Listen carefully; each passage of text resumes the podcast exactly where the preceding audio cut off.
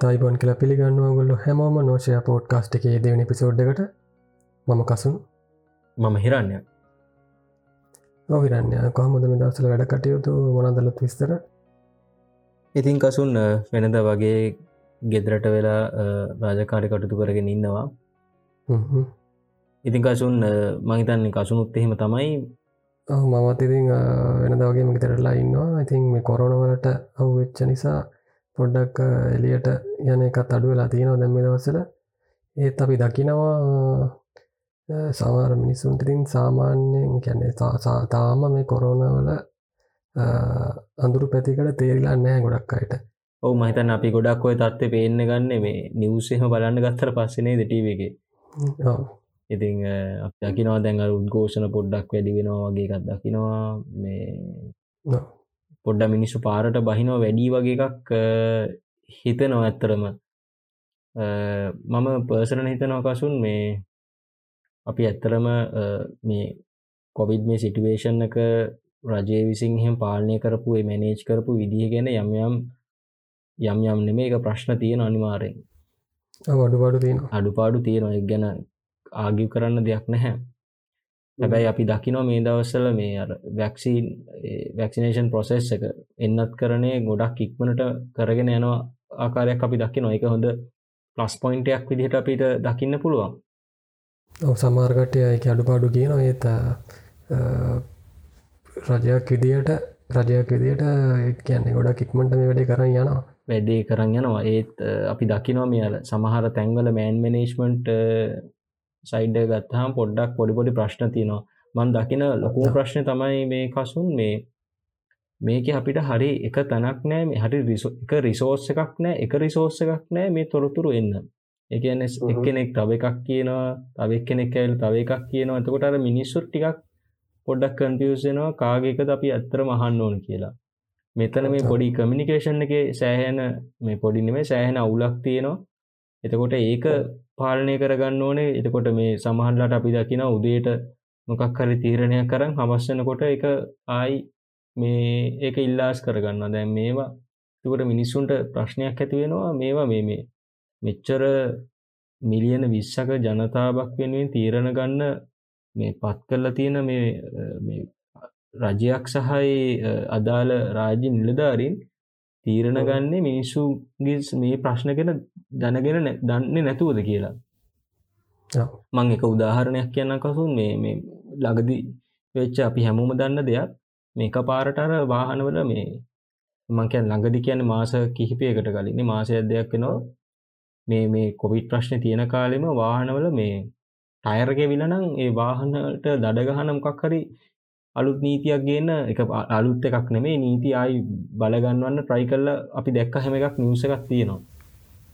හැබැයි අපි හොඳරම දන්නවා මේ කාලෙ ලංකාව තුළ සෑහෙන ටයර් බල හිංගකමක් තියෙනවා. මොකද මේ අර මේ ඉම්පෝර්ට්ස් නවත්තල නිසා. දැන් එතකොට මිනිස්සුන්ට ප්‍රශ්නයක් කෙනවා සාමාන්‍ය මිනිස්සු ගැන දැනුවත්. මිනිස්සුන්ට ප්‍රශ්නයක් කෙනවා එතකොට දැන් මේක මොකොද මේ කරන්න අපි? දැන් ටයර එකක් ගන්නත් තැනක් නැත්තං අපි මේ දඩේ ගෙවන්න ඕනෙද? ඒක පස්සේ ගොල්ලො එක ඉල්ලාස් කරගත්තා. මං කියැන ඔය වගේ තීරණ සෑහෙන අපි ගන්න දකිනවා. එතකොට මේක මේක ලොකු ප්‍රශ්නයක්. මං හිතනවා ඒක කරෙක් කරගත්තු සාමාන්‍යෙන් සෑහෙන දේවල් සෑහෙන ප්‍රශ්න හදාගන්න ඕනේ.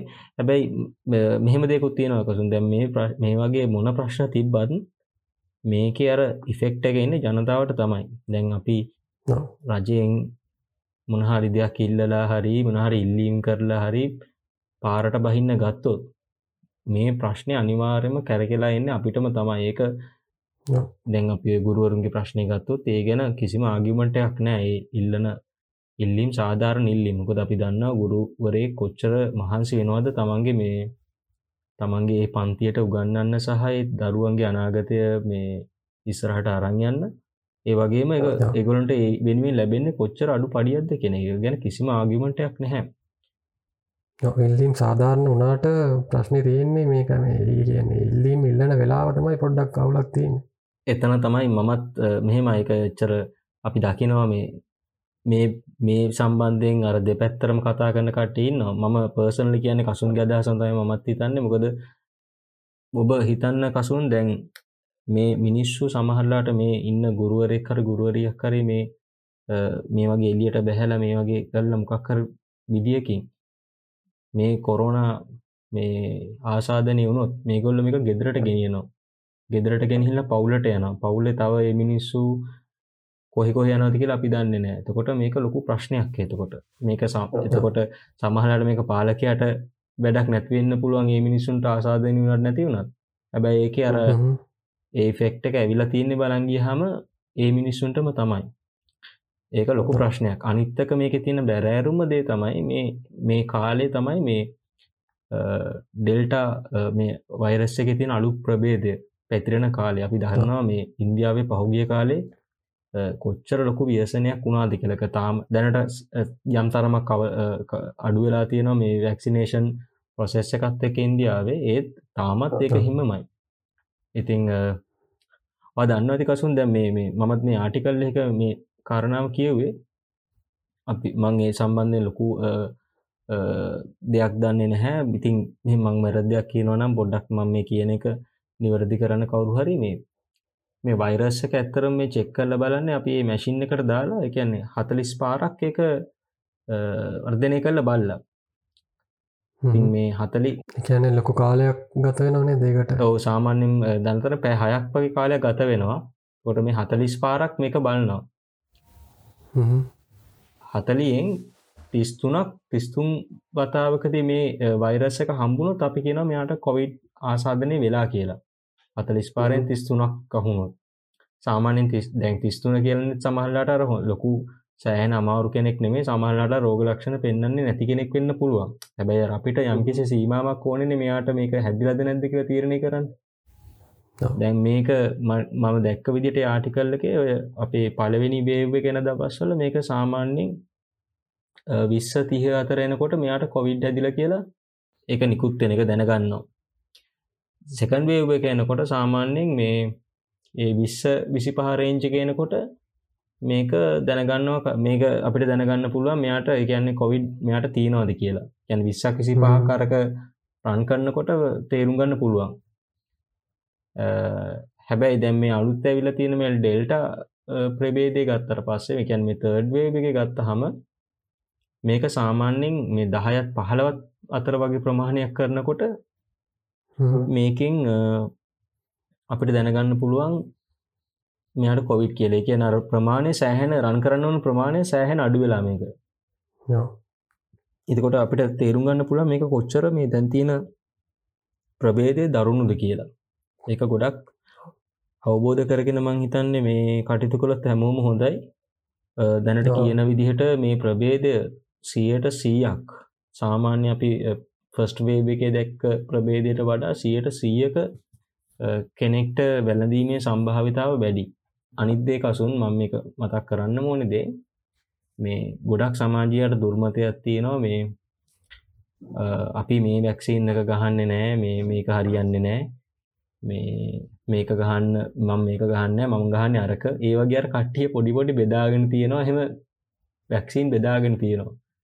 ඔව තාම අපි දකිනවා ගැන අවුරුදු තිහට වැඩි කට්ටිය ඉන්නවා. තාම වැක්සින්න එක එක එකක්වත් නොගාපු කට්ටිය. ඉතිං පුරවැසි කෙටියට ලොකු වගකීමත් තියෙනවා මේ මේ වැක්සිීන් කරන ගැනෙන්න්නත් කරන වැඩ පිළිවලට මේ සහය දෙන්න ලොකු පුරසික් දියට ලොකු යුතුකමත් තියෙනවා. ඒක ගහලා නැති එක කසුන් මන් දැක්ක. ඉට පස්සේ පොලිසිය දම්බල මේ සමහර පැතිවල එක එයාලා දැනුමත් කරන මේ කනිවාරෙන් එන්නත් කරගන්න කියලා. ලෝක සෞඛ්‍ය සංවිධානයත් කියලා තියෙන විදිහට අර ඔබට ලැබෙන ඔබගාව තියෙන ඔබට ගන්න පුළුවන් එන්නත තමයි හොඳම එන්නත කියලා සලකන්න කියලා මොකද ඇත්තරම අපිට අර කිසිම ආගිව් කරන්නවත් එහෙම මේ එකක් නැහැ. මේ වෙලාවේ තියෙන මොකක් හරි එන්නතත් තියෙනවනම් ඒක වාට අවස්ථාව ලැබෙනවනම් ගන්න එක අනිවාරෙන් ගන්න. ඒකින් වාට ඔයාව මරණින් වල ඔයාට ඔයාට එක හැදෙනකින් වලක්වන්න වර බැරිවේ හැබැයි වාට යම්කිසි ආකාරකින් අර මේ මේ මරණයට පත්වීම එහෙමනැත්තං ටිකක් කර බරපතල තත්වයට පත්වෙන වීමේ සම්භාවිතාව සෑහෙන දුරකින් සියට අනුවක අනුපහක මේ අගේකින් පල්ලි හරදාගන්න වාට පුළුවන් වේවි. ඒක තමයි මේක තියෙන වැදගත්ම දේ. ඒ නිසා එහෙම දුර්මතවල ඉන්න එපා. කවුරුවරිහෙම ඉන්නවනම් ඒ කෙනට පහද වෙලා දෙන්න. සමාරු කියන මම සයින ෆෝම් ගන්න නෑ. එක චයිනිස් නිසා. මම මේ කොවිශීල් ගන්න නෑ. මේක අමාරු වෙන නිසා. හෙම එම සෑහෙන දුර්මත තියෙනවා. අන්තිමට එකක්වත් නැතිවේ ඉස්සරට මොනහරි ප්‍රශ්නයක් ආවොත් ඒකේ සමහනට වට ප්‍රශ්නයක් වෙන්න හැ ඔයා කොවිඩ් අරගෙන ගෙදරගෙත්තේ ගෙදරන්න වැඩි හිටියට ඕක ප්‍රශ්නයක් වෙන්න පුළුවන්. ඒ නිසා එක අනිවාරයෙන්ම හිතේ තියාගෙන වැක්සිීන් එකත් ගන්න. ඒවගේම පුළුවන් තරම් ආරක්ෂා වෙලා ගෙදරට වෙලා ඉන්න ඔබේ ආරක්ෂාව වෙනුවෙනුත් ඒවගේම සමාජය ආරක්ෂා වෙනුවෙනුත් අපිට දැනට කරන්න පුළුවන් ඒ වෙනේ හොඳම දේ ඒක. ඔහිර ඉතින් අපිට කියන තියන්න පරිස්සං වෙන්න කියලා තමයි ඉතින් මේ කොවිට් වසංගතයෙන් බෙරලා ඉන්න කියලා තමයි කියන්න තියන්න. ඒ වගේ පිරන්න මතක් කරන්න ඕන අපි අපේ ෆොට්කාස්ටගේ පලවෙනි පිසෝඩ් එකට හොඳ ෆීඩ්බැක් තිබ කට්ටියකින්. අපි ඒගෙන පොඩ්ඩ මතක් කරමනේද ඕකසු නැතරම ෆස්ට එපිසෝඩ් එක ගැන හොඳා ගොඩක් හොඳ ෆීඩ්බැක් අපිට තිබ්බා. ඒවගේම සමහරයගින් අපිට ඉල්ලීම් තිබ්බා වෙනස් වෙන්න ඕන් තැන් අපිට කියල තිබ්බා. මහිතන්නේ ගොඩක් හොඳයි එහෙම දේවල් අපිට කිව්ව එක. විශේෂයම අපිට අපේ මේ තියෙන මේ ඕඩියෝ කොලිටිය එක ගැන කන්ටෙන්් කොලිටියක් ගැන ගොඩක් අය කතා කරලා තිබ්බා. ඉතින් අපි ගොඩක් යාලට සූතිවන්තයනවා ඒවගේ ෆීඩ්බැක්යක් ලබාදීම සම්බන්ධයෙන්. ඔයාලට එක පාරටම නැතිවුණත් මං හිතන්නේ මේ අර පොඩ්ඩ පොඩ්ඩ මේ පිසෝඩ්ඩ ඉස්සරහට මේ ටොට්කාස්ටක ඉස්සරහට යනකොට වාලට මේ ඕඩියෝ කොලිටි එහෙම වෙනසක් වාලට බලාගන්න පුළුවන් වේවි මොකද අපි යම් යම් දේවල් ඒවිනුවෙන් අරගෙන තියෙන නිසා අපි ටික ටික ඒ දෙවල් ටික හදාගන්න බලාපොරොත්තු වෙනවා. ටික ටික අපි ඒ දෙවල් ටික හදාගන්නවා ඉස්සරහට. ඉතිං මං කියන්න දිගටම අපිත් එක්ක ඉන්න හැමදාම අහලා මේ විදිහට ෆීඩ්බැක්ස් දෙන්න. මංහිතන්න එක අපිටත් ලොකු සතුටක් හෙම කෙනෙක් අහලේම ෆීඩ්බැක් ඇත් දෙනවා කියලා කියන්නේ. වගේම එක අනි පැත්තර ඔයාලටත් ඒකින් යම් කිසි දෙයක් ගන්න පුළොන් වෙයි ඔගොල්ල තාන්න අපේ පොඩ්කාස්ට එක. වගේම දන්න ඇතරශයා කරන්න. දන්න ඇතරශයා කරන්න අනිවාරයම ඉතින් අපි ඉස්සහට බලාපොරොත්තු වෙනවා මේක තව චුට්ටක් තව කට්ටි අතරේශයා කරගන්න පුලොන් ඉදිහට අලුත් පලට්ෆෝර්ම් සොල්ටත් යන්න. සමහල්ලාට මේ එපිසෝඩ්ඩකින් එක්කම අලුත් පලටෆෝර්ම්ස් එක්ක ඒවගේ මලුත් වැඩවලට අපිට යන්න පුළොන්ගේ ඉතින් කසුන් මේ අපිට ඉල්ලන්න තියන්නේ දිගටම අපිත් එක ඉන්න කියලා නේද? අනිවාර්යම ඉතින් ඔගොල එක තුලා ඉන්න අපිත් එක්ක අපි ස්රාට හොඳ වැඩටිකක් කරමු. එනහිරන්න අපි යමුණේ ද අපේ අද පිසෝඩ් එකේ පලවෙන් ටොපික් එකට?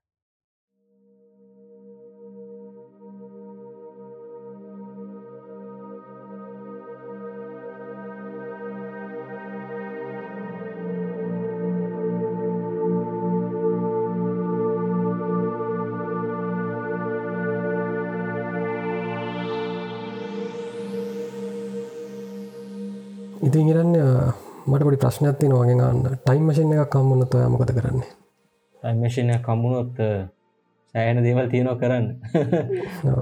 පෙරවැරදි ගොඩක් දේවල් තියෙනවනේ ද හදාගන්න අනිවාරයම ඉතින් ටයිම් මශන එකක් තිබොත් අපිට ඉතිං මහිතන අපි දැක්ලා තිරනේද ෆිල්මල එහෙම කොහොමද ටයිම් මශීන්ස් යස් කරල කරන දේවල් ඔනවගේ දේවල්ද කරන්නේ ඔච්චර ශෝග්ද කියලා ඇති අපි අපි ගොඩ්ඩක් ඒනට රියල්ටික බැලුවට පස්සේ එහෙම ටයිම් මැශීන් එකක් කියනදේ හරිම වෙන්න පුළුවන් දේවල්ලින් අඩුම දෙයක් නේද?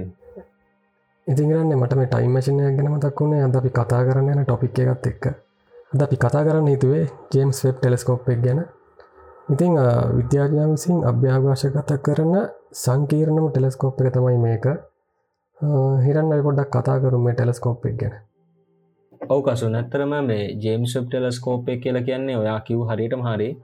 මේක මේ මිනිස් ඉතිහාසය මෙතෙක් අභ්‍යාවකාශ අභ්‍යාපකාශගත කරන්න සූදාන වෙන සංකීර්ණම දූරේක්ෂය වගේ අපිට කියන්න පුළුව මේක සංකීර්ණ ප්‍රජෙක්් එක කියලා මේ සම්බන්ධයෙන් ගත්තොත් මේ මේ ෆිල්ලක සම්බන්ධයෙන් ගත්තොත්. ප්‍රජෙක්් එක සෑහෙන්න්න පරණ ප්‍රජෙක්්ට ප්‍රජෙක්් එක ස්ත්‍රීක් ගැන පොඩ්ඩක්ම දක්කොරොත් එහෙම මේ ප්‍රජෙක්්ට පටන්ගරෙන් තින දස්මසි අනු හයි ඉතිං ඒ වෙද්දි මේ ප්‍රජෙක්් එකට නමදාලා තියන්නේ නෙක්ස් ජනරේෂන් ස්පේස් ටෙලස්කෝප් කියලා. කෝමාරී මේ ප්‍රජෙක්් එකට ජේම්ස් වෙබ් කියන නම වැටුනේ දෙදස් දෙකේදී. එකට හේතුව තමයි නාසකේ සෙකන්ඩ ඇඩමිනිස්ට්‍රේට කෙනෙක් ඉන්නවා ජේම්ස් ඒ වෙබ් කියලා. ඉතිං මෙයාට ගෞරවයක් විදියට තමයි මේක නම ජේම්ස් වෙබ් කියල වෙනස් කරේ. අපි කසුන් ජේම්ස් වෙබ් ගැනත් ජේම්සී වෙබ් e. ගැනත් පොඩ්ඩක් මතක් කරමු. මොකද මේ ඇමරිකානු අභ්‍යවකාශ මෙහිම ඉතිහාසය දිහා බලන්නකොට අපිට කතා කරන්න ඕනෙම අමතක් කරන්න බැරි චරිතයක් තමයි ජේම්ස් ඒ වෙබ් කියල කියන්නේ. ඇත්තර මෙයාගේ සම්පූර්ණ නම තමයි ජේම්ස් එඩ්බින් වෙබ් කියන්නේ. වල දන්න වෙදදාස් නමසය පණහ වගේ පණහා දශකය වගේ වෙනකොට මේ ඇමරිකාව සහ සෝවියත් දේශයේ අද පවතින රුසියාවතරේ විශාල සීතල විද්‍යත් තිබ්බා. විශේෂයෙන්ම මේ අභ්‍යාවකාශ මෙහෙම් සම්බන්ධයෙන් විශාල තරගයක් තිබ්බා. ඉතිං මුලින්ම මනුස්සෙක් අභ්‍යාවකාශයට යවන්න කවුද? මුලින්ම අභ්‍යාවකාශය ඇවිදින්න කවුද? මුලින්ම හඳට යවන්න කවුද? මේ ආදී වශයෙන් විශාල තරගයක් තිබ්බා. ඉතිං එදස් නම්සේ හැට එක වගේ කාල වෙනකොට එබකට ඇමරිකාව හිටපු ජනාධිපති ජෝනෙෆ් කෙනඩි මහතා අපි හැමෝම දන්න ඉතා ප්‍රසිද්ධ ප්‍රකාශයක්කයා කරනවා. යා කියනවා දස්නමසි හැට දශක ඉවර වෙන්න කලින් අනිවාරයෙන්ම අමරිකානුවෙක්ක හඳ මතට යවනවා කියලා. ඉතින් මේක කතාවකින් සීම වුණේ නෑ. මෙයා මේකට ගොඩක් ප්‍රතිසංස් කරන ගෙනාව මේ හා සම්බන්ධ ආයතනත් එක්ක. ඉතිං ඒක ප්‍රතිඵලයක් ඉදිට තම ඇත්තරම ජේම්සි වෙබ් නාසායතනයේ ඇඩමිනිස්ට්‍රේට කෙනෙක් විදිට පත්වෙන්නේ ඉතිං ඇත්තරම ජේම්ස් වෙබ් කියල කැන නාසායතනය හිටපු දෙබන ඇඩමිනිස්ට්‍රේට වරයා ඉතිං ජේම්ස් වෙබ් ගොඩක් ඊට අවශ්‍ය කරන තින්දු තීරණ ගත්තා. මේ මේ තියෙන මිනිහෙක්ක හඳට යවන්න ඒ අවශ්‍ය කරන ප්‍රොජෙක්ස් ප්‍රොජෙක්ෂල වැඩකටතු සම්බන්ධයෙන්. ඉතිං ඒකම තමයි මේ ඇපලෝ ප්‍රජෙක්් එක පටන් ගන්නේ. ඇපලෝ ප්‍රජෙක්් එකේ හිටව පලවෙන් ඩිරෙක්ට තමයි මේ ජේම්ස් වෙබ් කියල කියන්නේ. ඉතින් විශේෂයෙන්ම මේ ප්‍රොජෙක්් එකට සම්බන්ධ සල්ලි හොයාගන්න මේ ෆන්සොහයා ගන්න ස්පොසවා ගැනීම සම්බන්ධයෙන් තා සුවිශාල කර්තාවයක් ජේම්ස් වෙබ් කලා ඉතිං මේක අද අපි බලනකොට හිතාගන්න බැඩි තරං ලොකු කැප කිරීමක් කියලා කියන්න පුළ මොකද මේ මිෂණ එකට මේ අපලෝ මිෂණ එකට කසුන් සම්පූර්ණයම ඩොල බිලියන විසි පහක් විතර ඒ කාලි සල්ලවලින් ගිහිල තියෙනවා. අපි මේ කතා කරන්න ඉදස් නමසය හැට දශකය ගැන. එතකොට ඒ කියන මේ ලෝක යුද්ධ වෙර වෙලා මිනිස්සු නැගටපින් නැගටමින් හිටපු කාලය.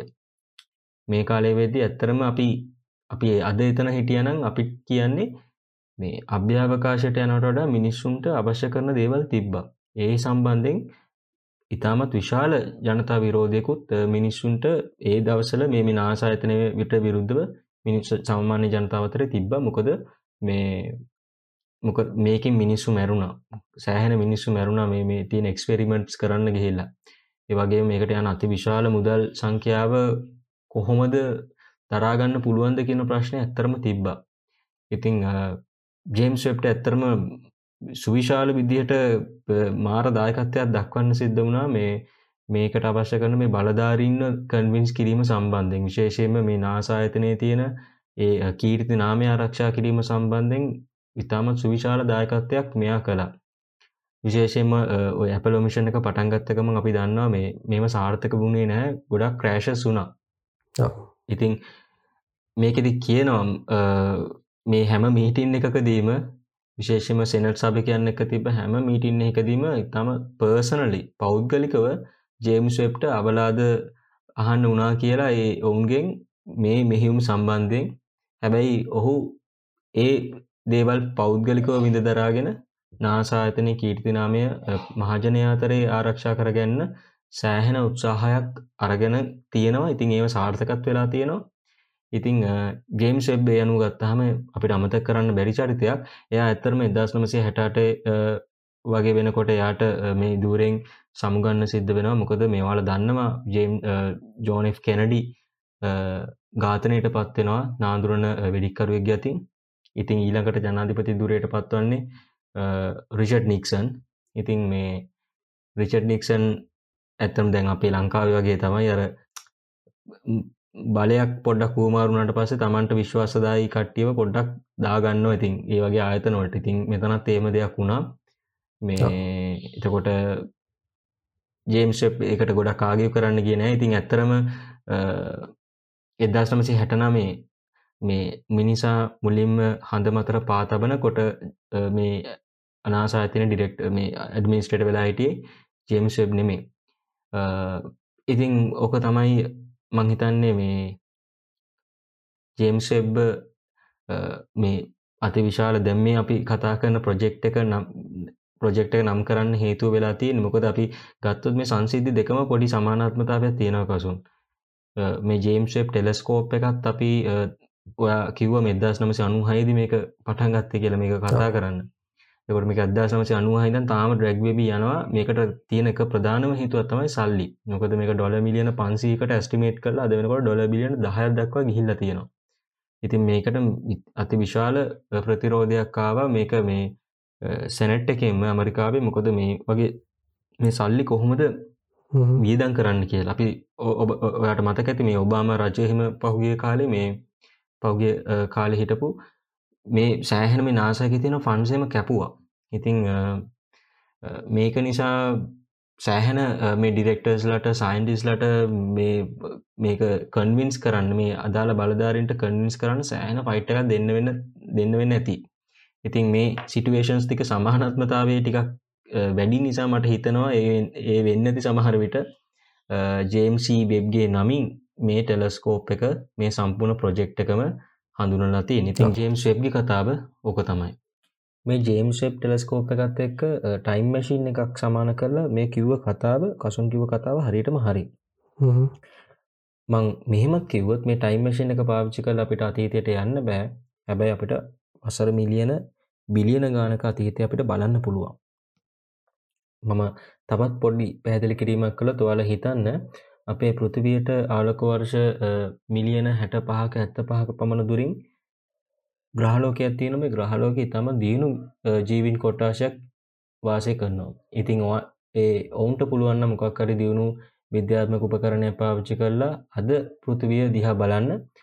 ඔවුන්ට ඇත්තරම පෘතිවියෙන් අද බැලුවත් පේන්නේ මේ අද තියෙන මේ මිනිස්සු ඉන්න පෘතිවිය නෙමේ ඔවුන්ට පේනිඩ කඩ තියෙන්නේ මීට වසර මිලියන හැට පහක හැත්තාක පමණ අතීතේ ඒ පෘතිවිය තිබ ස්වරූපය. ඒ කියන්න ගොඩක් කියලාට ඔවුන් දකින්න ඉඩ කඩ තියෙන්නේ ඩයිනසෝස්ලා ඒ ප්‍රාග්ග යිතිහාසික ජීවින් ජීවත් වෙච්ච පෘතිවිය ඉතින් ඕනට පුළුවන්නම් අද පොඩ්ඩක් කෙලියට ගිහිල්ල රෑට මේ රාත්‍රී හස නිරීක්ෂණය කරන්න. ඕනට පෙනේ ලක්ෂ සංඛ්‍යාත දරු තියෙනවා මේ මුළු අහස පුරාවටම.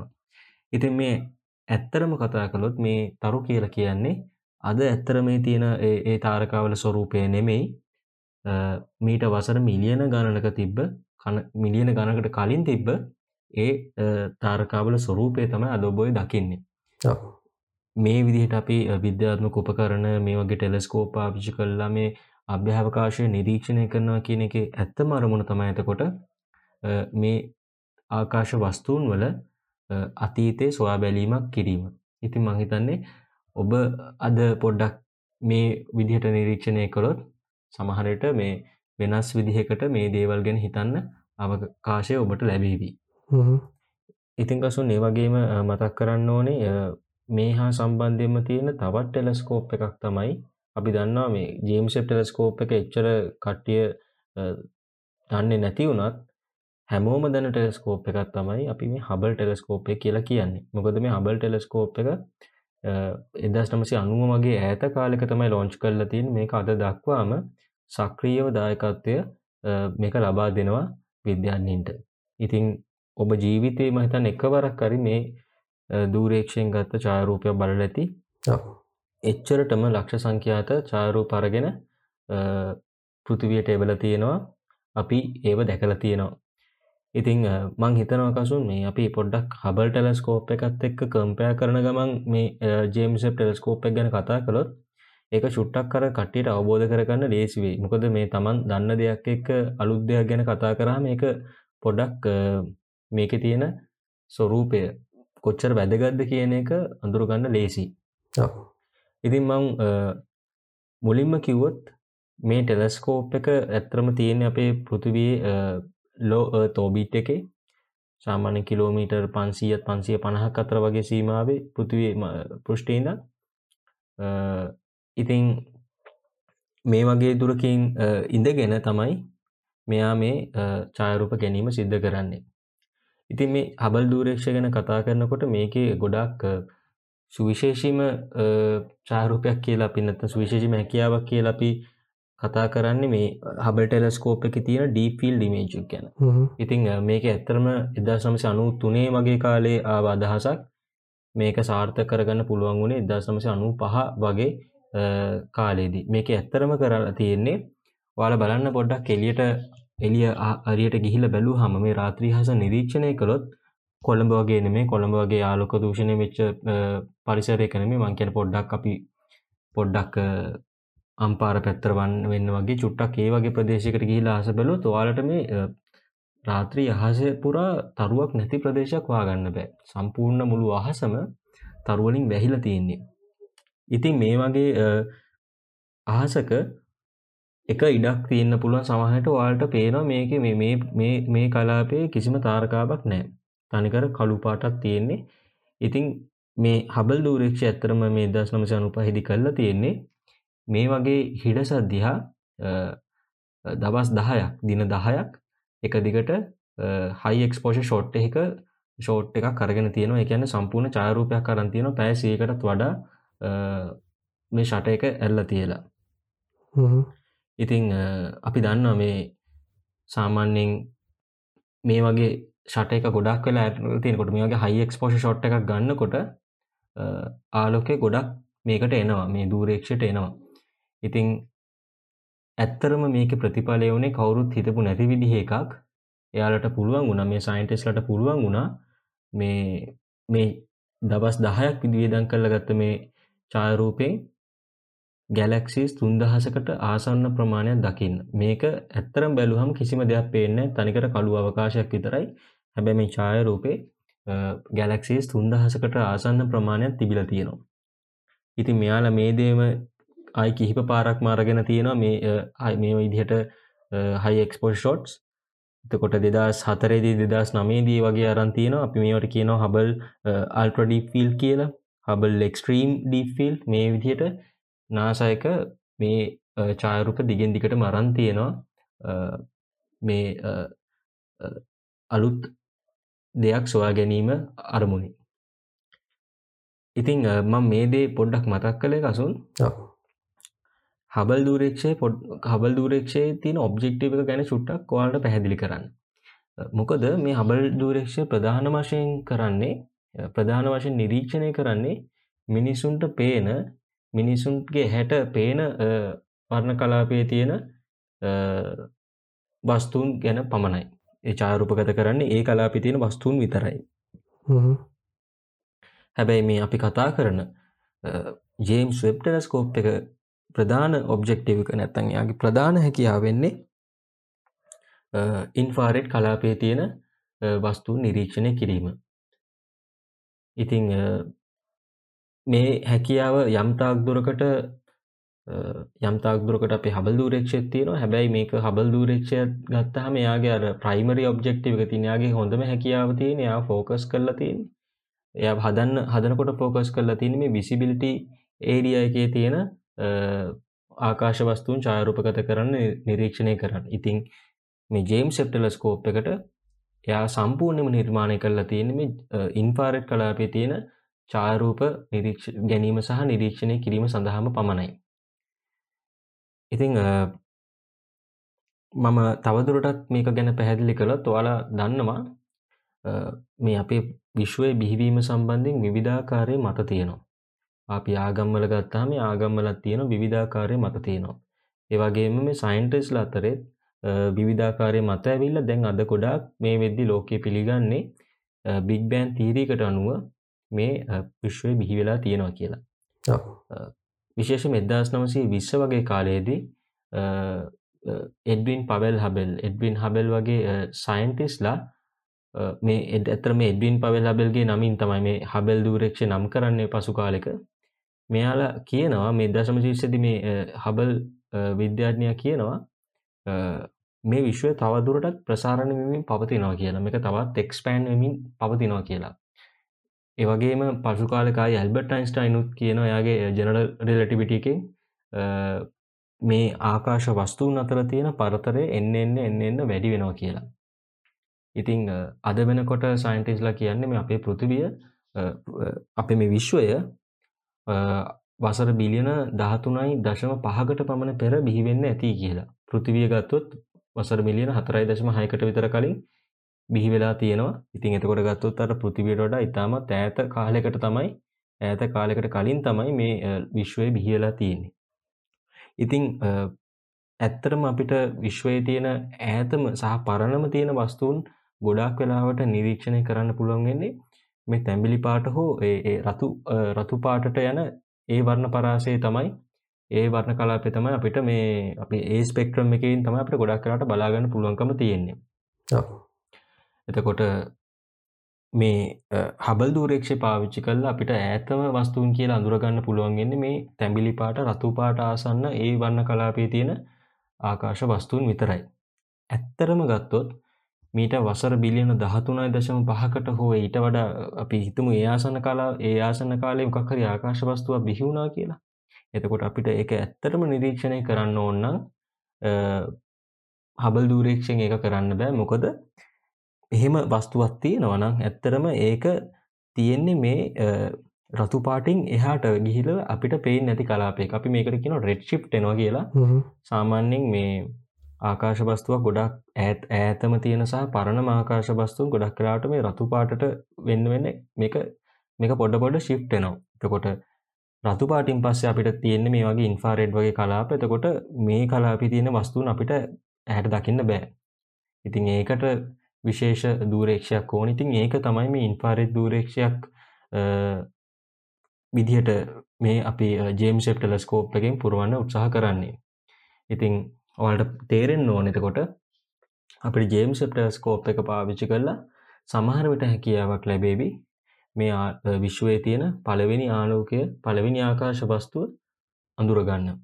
එතකොට කසුන් මේ ජේම්ෂප් ටෙලස්කෝප් එක ඉන්ෆාරෙඩ් එයාගේ ප්‍රධාන හැකියාව විදිහට පාවිච්චි කරන්න එකම හේතුව මේ ඈතම වස්තුූන් මේ රතු කලාපෙන් එපිට කලාපේ තියෙන වස්තුූන් නිරීක්ෂණය කිරීම පමණක්ම නෙමේ මීට අමතරව තවත් තියෙන වාසියත්තම අපි ඉන්ෆාරෙඩ් වගේ කලාපයක් නිරි ඉන්ෆාරෙඩ් වගේ දෙකින් අභ්‍යවකාශ නිරීක්ෂණය කරනකොට අපි දන්නවා ගොඩක් කලාවට මේ අභ්‍යවකාශය තියෙන වස්තුූන් අපිට බලන්න තියෙන ප්‍රධාන බාධාවත් තමයි දූවිලි බලාවන් වල දකින්නති ඔය හරි ප්‍රසිද්ධ මේ අපේ ක්ෂීරපතය චාරූප තියෙන මේ ක්ෂීරපතය තියෙන චාරපොල තියෙන ප්‍රධානම ලක්ෂණය තමයි මේවා නිකඟට දූවිල්ලකින් වගේ අර මැද කෝ එක වැහිලා තියෙනවා.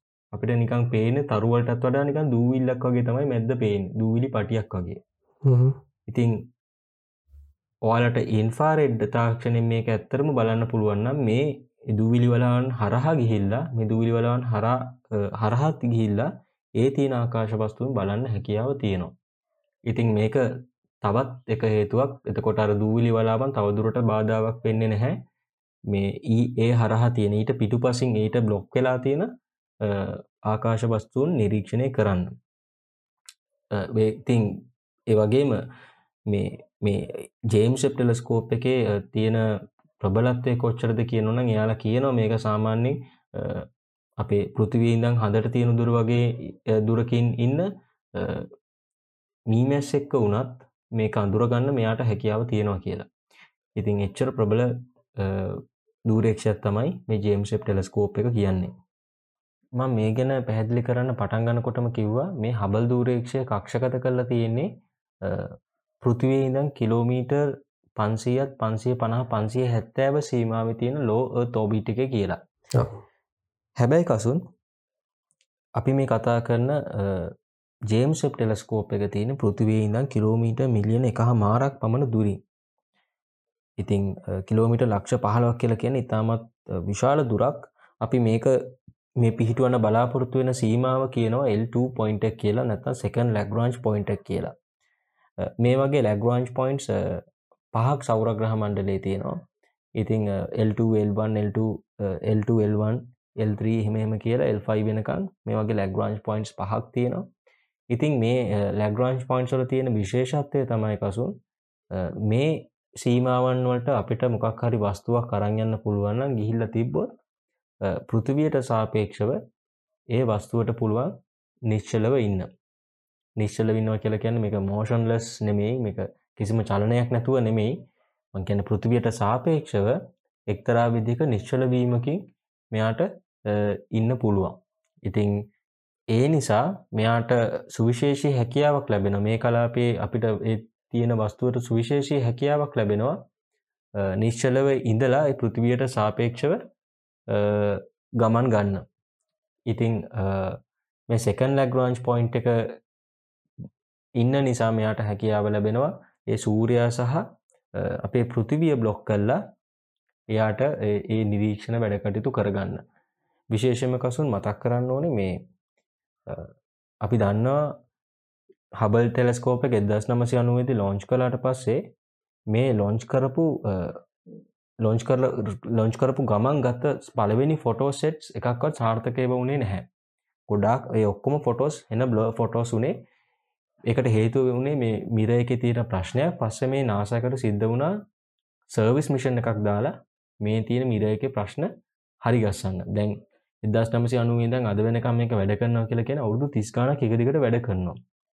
මේ එකදිකට වැඩ කරනවා කියලා කියන්නේ ඇත්තරම මේ මේ සර්විස් මිෂන්ස් නිසා තමයි මෙයා මේ තාමත් හබල් දූරේක්ෂය මේ විදිහට ඉන්නේ. මේ දෙදස් නමේදිත් අලුත් සයින්ටිෆික් ඉක්විපමන්ස් මේකට සෙට් කරලා තියෙනවා. ගිල්ලා සටල් මිෂන් එකකින් හයි කරලා තියෙනවා.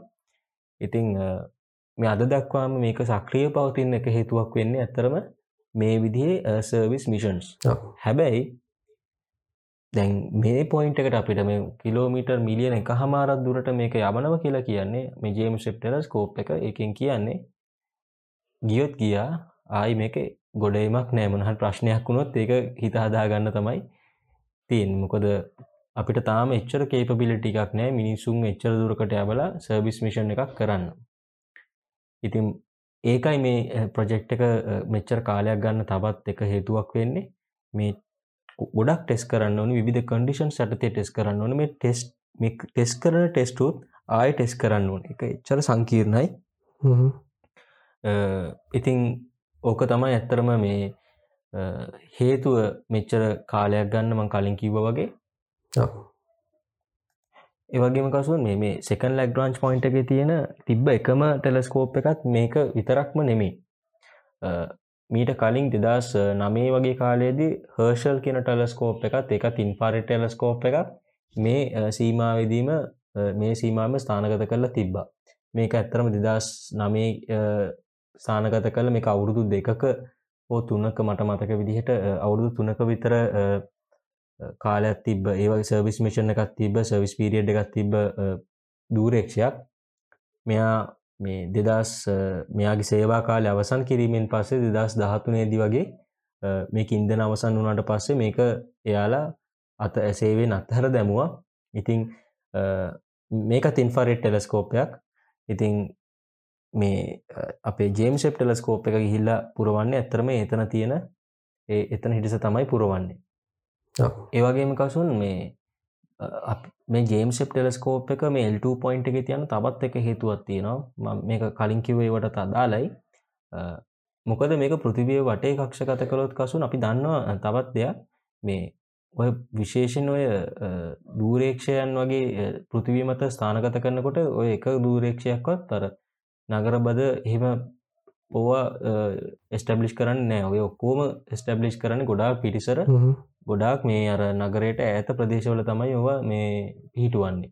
ඒකට හේතුව තමයි අර නගරබද වෙන්න වෙන්න මේක ගොඩක් ලොකු ආලොක දූෂණයක් තියෙන. එතකොටර හරියට මේ දේවල් නිරීක්ෂණය කරන්න බැහැ. ඉතිං අපි කොච්චර දුරකට ගිහිල්ල මේක ප්‍රතිස්ථාපනය කළත් අර නිරි අභ්‍යාකාශපට නිරීක්ෂණය කරන්න වෙන්න පෘතිවිය වායුගෝලය හරහා. ඉති මේ ඒක නිසා තමයි වායුගෝලින් පිට වෙනම දූරේක්ෂයන් අපි මේ විදිහට ස්ථානගත කරන්නේ.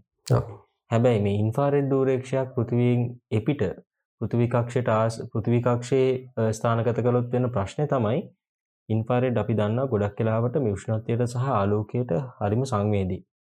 ඉතිං කවදාවත් අපිට ෆොට එකක් ගන්න වෙන්න හරියට මේ ඉන්ෆාරෙඩ් වලින් මේ කලාපය තිබ්බොත්.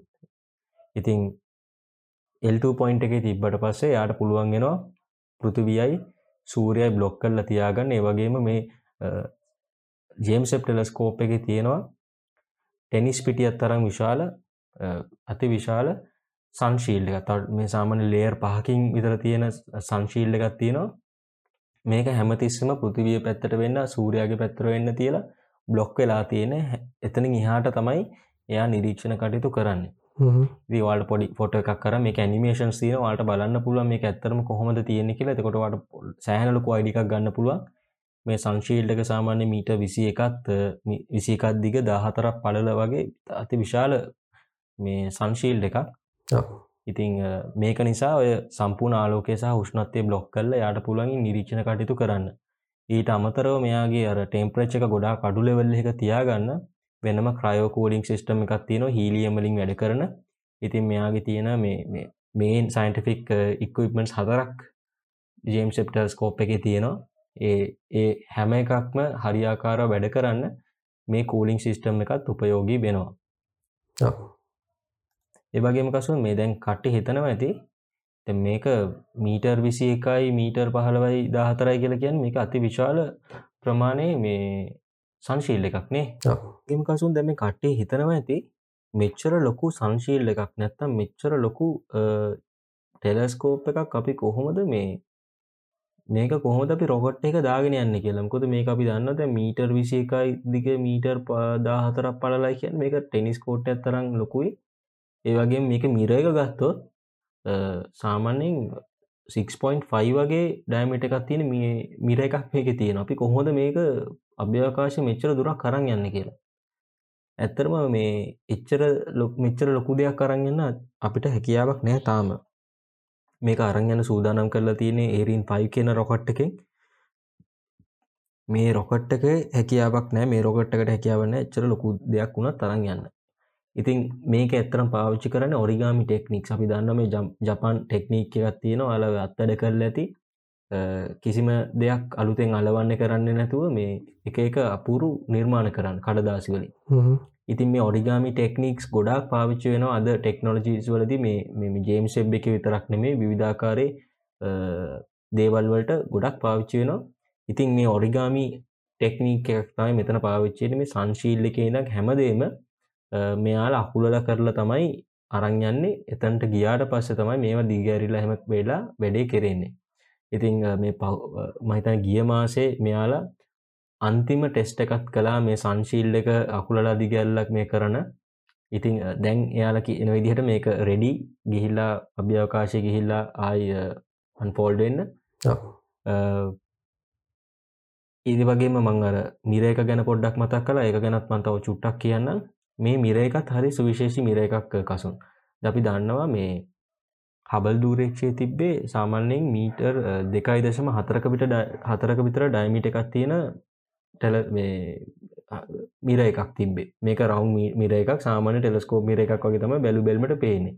හැබැයි මේ ජේම් ශේප් ටෙලස්කෝප් එක තියෙන මිර එක ඒ විදිහ එකක් නෙමේ මේක චුට්ටක් වෙනස්. අපි දන්නවර මීවා දෙක වගේ හෙක්ෂගන්ස් වගේ මොඩි එක්ෂගන් මොඩිල්ස් වලින් වගේ තම මේක සෙට්ටලා තියෙන්නේ. ඇත්තරම මේ හෙක්ෂගන් මොඩිල්ස් මේක තියෙනවා දහටක් මේක අකුලන්න පුළුවන් ඉදිහට තමයි මෙයාලා හදලා තියෙන ඒ වගේම මේක තියෙන තවත් විශේෂත්වයක් තමයි මේ හෙක්සගන් මොඩිල් සොක්කෝම ඉන්ඩිවිඩුවලි මෙයාට කැලිබ්‍රේට් කරගන්න පුළුවන් වෙනස් වෙලා. එකන් මේ ඔක්කෝම වෙන වෙනම කන්ට්‍රෝල් කරගන්න පුළුවන්. මෙයා අදාළ පොයින්ට එකට ගියාට පස්සේ මෙයාට හැකියාව තියෙනවා. ඒ ආලෝකයේ ලැබෙන විදිහට එයාට ඕන විදිහට එක ෆෝකස් කරන්න එක කැලිබ්‍රේට් කරගන්න. ඒකත් මන්දකින එක හරිම සුවිශේෂී හැකියාවක් කියලා මේ සම්බන්ධයෙන්. ඕක තමයි මේ ජේම්සප් ටෙලස්කෝප්ක් ගැන අපිට කියන්න තියෙන්නේ. ආගෙන්න කට්ටියට ඉතිං අවුරුදු ගානකට පස්සේ අවුරුදු විසිගානක් ගිහිල්ලා දැන් ඔන්න මේ දෙදස් විසියකේ නොවැම්බර් මාසය වෙනකොට මෙයාලා බලාපොරොත්තු වෙනවා මේක අභ්‍යාපකාශ ගත කරන්න. ඉතින් මේක අවුරුදු දහයක ප්‍රොජෙක්් එකක් මේ ජේම්සෙප් ටෙලස්කෝප් එක අදාළ එල්ට පොයින්ට එකට ගිහිලා අවුරුදු දහයක් පුරාවට මේ අපිට අවශ්‍ය කරන චායරූප හෙම ලබාදීලා ඒ තාරකා විද්‍යාවට අවශ්‍ය කරනේ සේවය ලබාදේවි ඉතින් අපි බලාපොරත්තුවන මේක ගොඩක් සාර්ථක වේවි කියලා. මොකද මේක එච්චර ලේසින් මෙතැන්ට ගිය ප්‍රජෙක්් එකක් නෙමේ ගොඩක් ප්‍රශ්නාව පන්ඩිං සහම සම්බන්ධය ගත්තම සෑහන ප්‍රශ්නාව ටෙක්නෝලජි අපිට ටෙක්නිකල් බැරිියස් ගත්තාම සෑහන තිබ්බතින් ඔක්කෝම ජයගන තමයි අදම අපි මේ කතා කරන තැනට ඇවිල්ල තියෙන්නේ ඉති මෙයාගේ මේන් ඔබ්ෙක්ටව් අපි ගත්තහම මෙයාගේ පලවෙනි ඔබ්ෙක්ටව එක තමන් කලින් මතක් කර පිදිට විශ්වයේ පහළ වෙච්ච පළවෙනි ආලෝකය දැකීම. ඒ වගේම විශ්වයේ පහළ වෙච්ච පළවෙනි ගැලැක්සිස් බලන එකත් මෙයාගේ තවත් එක ඔබ්ජෙක්ටිව් එකක් ඒ වගේම විශ්වයේ තියෙන පැරණිම ප්ලනටරි සිිස්ටම්ස් බලන එකත් මෙයාගේ තවත් ඔබ්ජෙක්ටිව් එකක්. මොකද මෙයාගේ මේ ඉන්ෆාරෙඩ් හැකියාව නිසා සයින්ටිස්ල බලාපොරොත්තු වෙනවා එයාලට මේ දේවල් ග්‍රහණය කරගන්න පුළුවන් වේවි කියලා. ඉතින් කසුන් අපි බලාපොරත්තු මුණේද මේ ගේම් සෙප් ටෙලස්කෝප් එක? අපි හිතන විදිහට මේ අපි මේ ඉන්තුසියස්ලා හිතන විදිහට මේ දේවල් කරගෙන ගොඩාක් හොඳ අලුත් දත්ත අලුත් ඡායරූප අපිට ලබා දෙන්න හැකියාව ලැබේවි කියලා. අනිවාර්ම අපි බලමු මේ ප්‍රජෙක්්ක මේ පාරවත් සාර්ථක වේද කියලා. කිසි ප්‍රශ්නයක් නැතුම අපිත් බලගන්නවා මේක කක්ෂගත කරන එකං ඉස්සරහට හොඳ නිවස් ටිකක් බලාගන්න පුළුවන් වෙයි කියලා බලාපොරොත්තුවෙන් ඉන්නවා.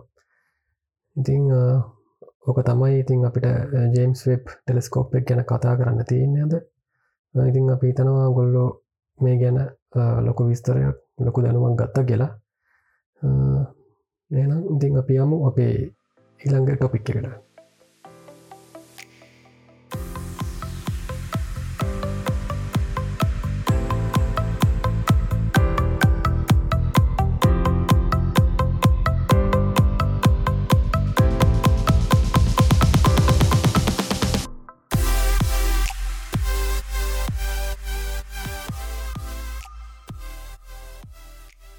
හොඳ අපි ඊළඟට කතා කරන්න තියෙන්නේ තවත් ඉන්ට්‍රස්ටිං ටොපික් එකක්. මේ දවස්සල හැමෝම හොයන දෙයක් ගැන. ඒ තමයි අපි දන්නවා දැන් හැමෝටම ඔන්ලයින් වැඩ කරන්න වෙලා තියෙනවා. ස්ටඩන්ස්ලට ඊට පස්සේ ජොබ්ස් කරනයට තම් බිස්නස් කරනයට හැමෝටම මේ කොරෝන ප්‍රශ්න නිසා ඔන්ලයින් වැඩ කරන්න වෙලා තියෙනවා. ඉතිං මේ නිසා හැමෝම දැන් ලැප්ටොප් ගන්න පටන් කරගෙන තියෙනවා. ලැප්ටොප් පල්ට හොඳ මාකට්ටයක් ඇදලා දිනම දවසල ඉතින් අත අපි කතා කරන්න හිතුවේ දැන් ලැප්ටොපයක් ගද්දි හැමෝටම ප්‍රශ්නයක් කියන අපි ලැප්ටොපයක් කොමද තෝරගන්න කියලා. ගොඩක් අය අපි උත්තානොම ගැන. ඉතින් අප අද කතා කරන්න හිතුවා කොහොමද තමන්ට ගැලපෙන ලැප්ටොප් එකක් හරියට තෝරගන්න කියලා.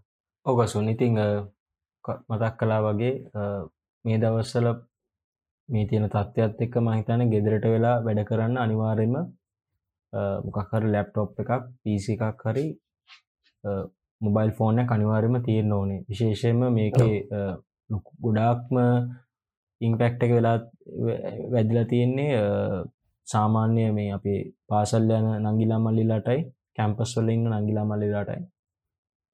ඉතිං එයාලට යාලගේ අධ්‍යාපන කටයුතු ගොඩක් කලාවට මේ ඔන්ලයින් තමයි මේ දවසල තියෙන්නේ. විශේෂයම දැන් කැම්පස් යන කෙනෙක් ගාවනං ගොඩක් කලාට ලැප්ටොප්ය තියෙනවා. වගේම මේ මහිතන්නේ රජයනුත් යම් කිසි අර ලැප්ටොප්යක් ගන්න ලෝන් එකක් දෙනවගේ යම් යම් දේවල් තිබ්බා. ඕ පෝගිය කාලේ ගොඩක් ඒවගේ ලෝන්ස් දෙන ට තිබ්බා ලැප්ටොප්ස් ගන්න.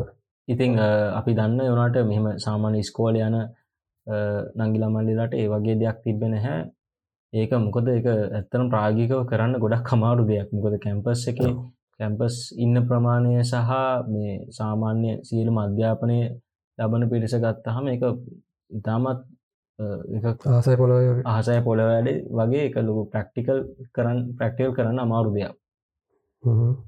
මේ තියන සිටුවේෂන එක යටතේ ඉතින් අපිට කරන්න දෙයක් නැහැ. හැමෝටම යස් කරන්න වෙන මොකක්හරි දෙයක්. මොකද ටීචස්ලත් දැන් ඒ ඒ පැත්තෙන් එයාලගේ පීරියඩ්සු ගන්නන්නේ ඔන්ලයින් තියෙන පලට්ෆෝර්ම් ඔස්සේ. ඉතින් ගොඩක් අය මගෙන මේ දවස්ට එක ඇහුවා මේ ලැප්ටොප්ස් හම කොහොමද ගන්න තෝරගන්නේ එහෙමයි කියලා. ඉතිං මෙහෙම දෙයක් තියෙනවා. ඕක මේ සම්බන්ධය දැන් මේක දෙපැත්තක් තියෙනවා පසුන්. ලැප්ටොප්සල ඩිමාන්්ඩ එක වැඩිවුණාට මේ ඔන්ලයින් පලටෆෝර්ම්ස් නිසා ඔන්ලයින් ටීචිං පලටෆෝර්ම්ස් නිසා අනි පැත්තෙන් මේ මේ කොවිඩ් සිටුවේෂන් එක නිසාම අපි දන්න ලංකාවේ මේ ඉම්පොට් ඉම්පොට් ප්‍රස්ට්‍රික්ෂණ එකක් තියෙනවා. සාමාන්‍යටයක් පොඩි අපහසුවක් තියෙනවා බාන්්ඩ පිටටිං ආනයනය කරන්න ගිහම අද මාකටි බලොත් සෑන ඉලෙක්ට්‍රික් බඩු ඉස්සර වගේ නෑ ගොඩක් අඩු සෑහෙන අඩුයි සහ තියනෙවත් ගොඩක් මිලා දෙකයි. ඒවගේම මේ මේ දවස්වල අපි දන්නවා මේ චීනීත් යම් කිසි ආකාරයක මේ ප්‍රොඩක්ෂන් හරිටම එන්නේ නෑමක ගොඩක් අපි දන්නවා ලෙලෙක්ට්‍රික් දේවල් එක රටවල්ල බ්‍රෑන්් තිබ්බට එන්න චීනි චීනය තමයි මනිෆක්ෂලින් ප්ලාන්ස් තියන්නේ. දද වෙනකොට මේක ලංකාව විතරක් නෙමේ මේක ලෝකම ප්‍රශ්නයක් කලා තියෙන නිසාකාසුන් මේ ලෝකෙම තියෙන කර්මාන්තශාලා සහ ඒ සෑහෙන දේවල් බැටිල තියෙන්නේ. ඉතින් චීනයට චීනය තමයි මංහිතන්න එකම කෙනා වගේ ඉන්නේ මේ මේ සම්බන්ධයෙන් ප්‍රතිචාර දක්වන සහ යාලගේ මැනිෆක්චරින් දිකට මේන්ටේන් කරන. ඉතින් මේ මෙයාටත් අර හැමෝටම අර ඒ තියෙන ඩිමාන්්ඩ එකට දෙන්න බැරි අවස්ථාවත් තමයි අපි දකින්නේ. ඕ එගොල්ල ඩිමාන්් කරවෙන්නත් පුළුවන්. ඒ ප්‍රශ්න නිසා මේ අපිට ඉතර ප්‍රතින් ප්‍රශ්නයක් නෙම මේ ලෝකටම තියෙන ප්‍රශ්නය මේ දේවල් නිසා ගොඩක් කලාවට ලැප්ටොප්සල ඉතරක් නෙම ගොඩක් ඉලෙක්ට්‍රික් පැත්ත තියෙන හැම උපාන්ගයක්ම ගොඩක් මිලාදික වෙලා තියෙනවා. විශේෂයෙන් අපි දෙදස් දහනමේ ඉට අවුරුද්ධකට තර කලින් අවුරුදු කාමාර්ගට තර කලින් ගත්තර පස්සේ ලැප්ටොප්පල තියෙන මිල නෙමේ අද තියෙන එක ගොඩක් ඉහළ ගිහිල්ලා. එකට ප්‍රධාන හේතු කේපයක් බලපාන මංකිව දේවල් වගේම මතන් දැන් ඩොල එකත් ගොඩක් කියල ගිහිල්ල තියෙනවා. උපල් දෙසියටත් තියල ගිහිල්ල තියෙනවා. ඉතිං ලැප්ටොප්යක් ගන්නවා කියනක සෑහන අමාරු වැඩක්. ඉතින් සාමාන්‍ය කෙනෙට මේ දවස් ටිකේ. හොඳ ලැප්ටොප් එකක් ගන්නවා කියන්නේ සෑහන්න මරු වැඩක්. මොකද ඉක්සර අපි ලක්ෂයක් විදන් කරනම් දැන් එකට එකයි හැත්තපක් දෙකට ගිට්ට නිදන් කරනවා ගැන සීට පණහක පනාත් සීහත් අතරේ කෙලිම දෙගුණ විතර වැඩීමත් තියෙනවා නේද? ඉතිං අපි ඒකයි හිතුවේ මේක කොහොමද අපි ලැප්ටොප්ය තෝරගන්න කියලා. මොකද සමහරු මේ හදිසිය නිසා ලාබෙට තියෙන ලැප්ටොප් අරගන්න අපි දකිනෝ මම කියන්නේ කසුන් මම පර්සනලි විශ්වාස කරන දෙයක් තමයි මේ. අපි ලැප්ටොප් එකක් කියලා කියන්නේ අදාරං ඊළඟ අවුරුද්ධ මාරු කරන්න දෙයක් නෙමේ නේද? අඩුම අවුරුදු තුනා තරක්වත් පාවිච්චකන බලාගෙන ගන්න. ගොඩක් මිලාදික දෙයක්. ඉතින් මේ අවුරුදු තුනහතරක් අඩුම මම හිතන අවුරුදු පහක්කත් යස් කරන්න ගන්න බලාගන්න බන් ගන්න බලන්න ඕනේ. මොකද මේ ඒක නැත්තන් හරි අපරාධයක් ගණන් අඩුවට තිබ්බයි කියලා ලැප්ටොප්ස් ගන්න පෙළබෙන්න එපා. අපි දකිනවා මේ සාමන රුපියල් හතල ස්දාහට පනස් දහට තියෙනව කසුන කෝම්බුක්සගේ එම නැත්තම් මේ ඉන්ටෙල් ගෝල්ඩ් වගේ චිප්සෙට් එක් සෙලටවන් වගේ චිප්සෙට් එක්ක ගොඩක් මිල අඩු ලැප්ටොප් සෙනවා හැබැයි මේ ලැප්ටොප් වලින් අපිට කරන්න පුළුවන් දේවල් පිළිබඳව ලොකු ප්‍රශ්නයක් තියෙනවා නේද? මාසයක් දෙයක් ඇද එකින් වැඩක් කරගන්න බිරිතත්තට පත්වෙනවා ඒ වගේම වත් එක විදිකට ඉන්නෑනේ සාමාන්‍යෙන් ඔයා ඉගෙන ගන්න කෙනෙක් නම් වා සමහරලාට මේ වා ඉගෙන ගන්න දේවල් පොඩ්ඩ පොඩ්ඩ වැඩි වෙන්න පුළුවන්. සහ වාට පාවිච්චි කරන්න වෙන සොෆ්ටයස් හරි පාවිච්චි කරන්න වෙන වෙන මොකක් හරි සර්විස එකක් හරි එක ඉහල යන්න පුළුවන්. එකොට වාට කම්පියටිං රිසෝසස් වගේ දේවල් ඉස්සරහට ඕන් අවශ්‍ය කරනවා. ඉතිං චුට්ට කනාගතය ගැන හිතල පොට් කොච්චර ගණන් ගියත් මං කියන්නේ පොඩ්ඩ කනාගතය ගැන හිතලම ලැප්ටොප් එකක් හරි වගේ උපාන්ගයක් ගන්නවනම් හොඳයි. ඉතිං කසුනුයිමා යද කතා කරන්න හිතුව ඇත්තරම මේ මේ තියෙන කරුණු කාරණත් සැලකිල්ලට අරන් අපි කොහොමද තියෙන සල්ලි අතේ කොහොමද තියෙන සල්ලිවලට හොඳම දෙයක් ගන්න කියලා. ඉතිං අපි ඉතින් මෙහෙම කිය මුණේද කසුන්? මේ මංතන් අපි මුල්ලි ගොඩක්ම ටාගට් කළේ ස්කෝල යන නංගිලා මල්ලිලාවයි කැම්පස් යන කට්ටේවයි කැම්පස් යන නංගිලා මල්ලිලාවයි. ඒ ඇරුණ හම සාමාන්‍යින් අපි ලැප්ටොප්යක් ගන්නවන දැන්වේ ඔෆිස් යන කටියත් ගොඩක් කලාට යාලත් බලන්න ලැප්ටොප්යක් ගන්න එකක් හේතුවත් තමයි යාලක ඔෆිස් එක වැඩ කටයුතු කරගන්න. සහ ගෙදර ඉන්න කාලය තුළ මොකක්කර ෆිල්ම් එකක් බලන්න. ඒ වගේ අර වෙලාව පොඩ්ඩක් වැඩියෙන් ලැබිල තියෙනවා.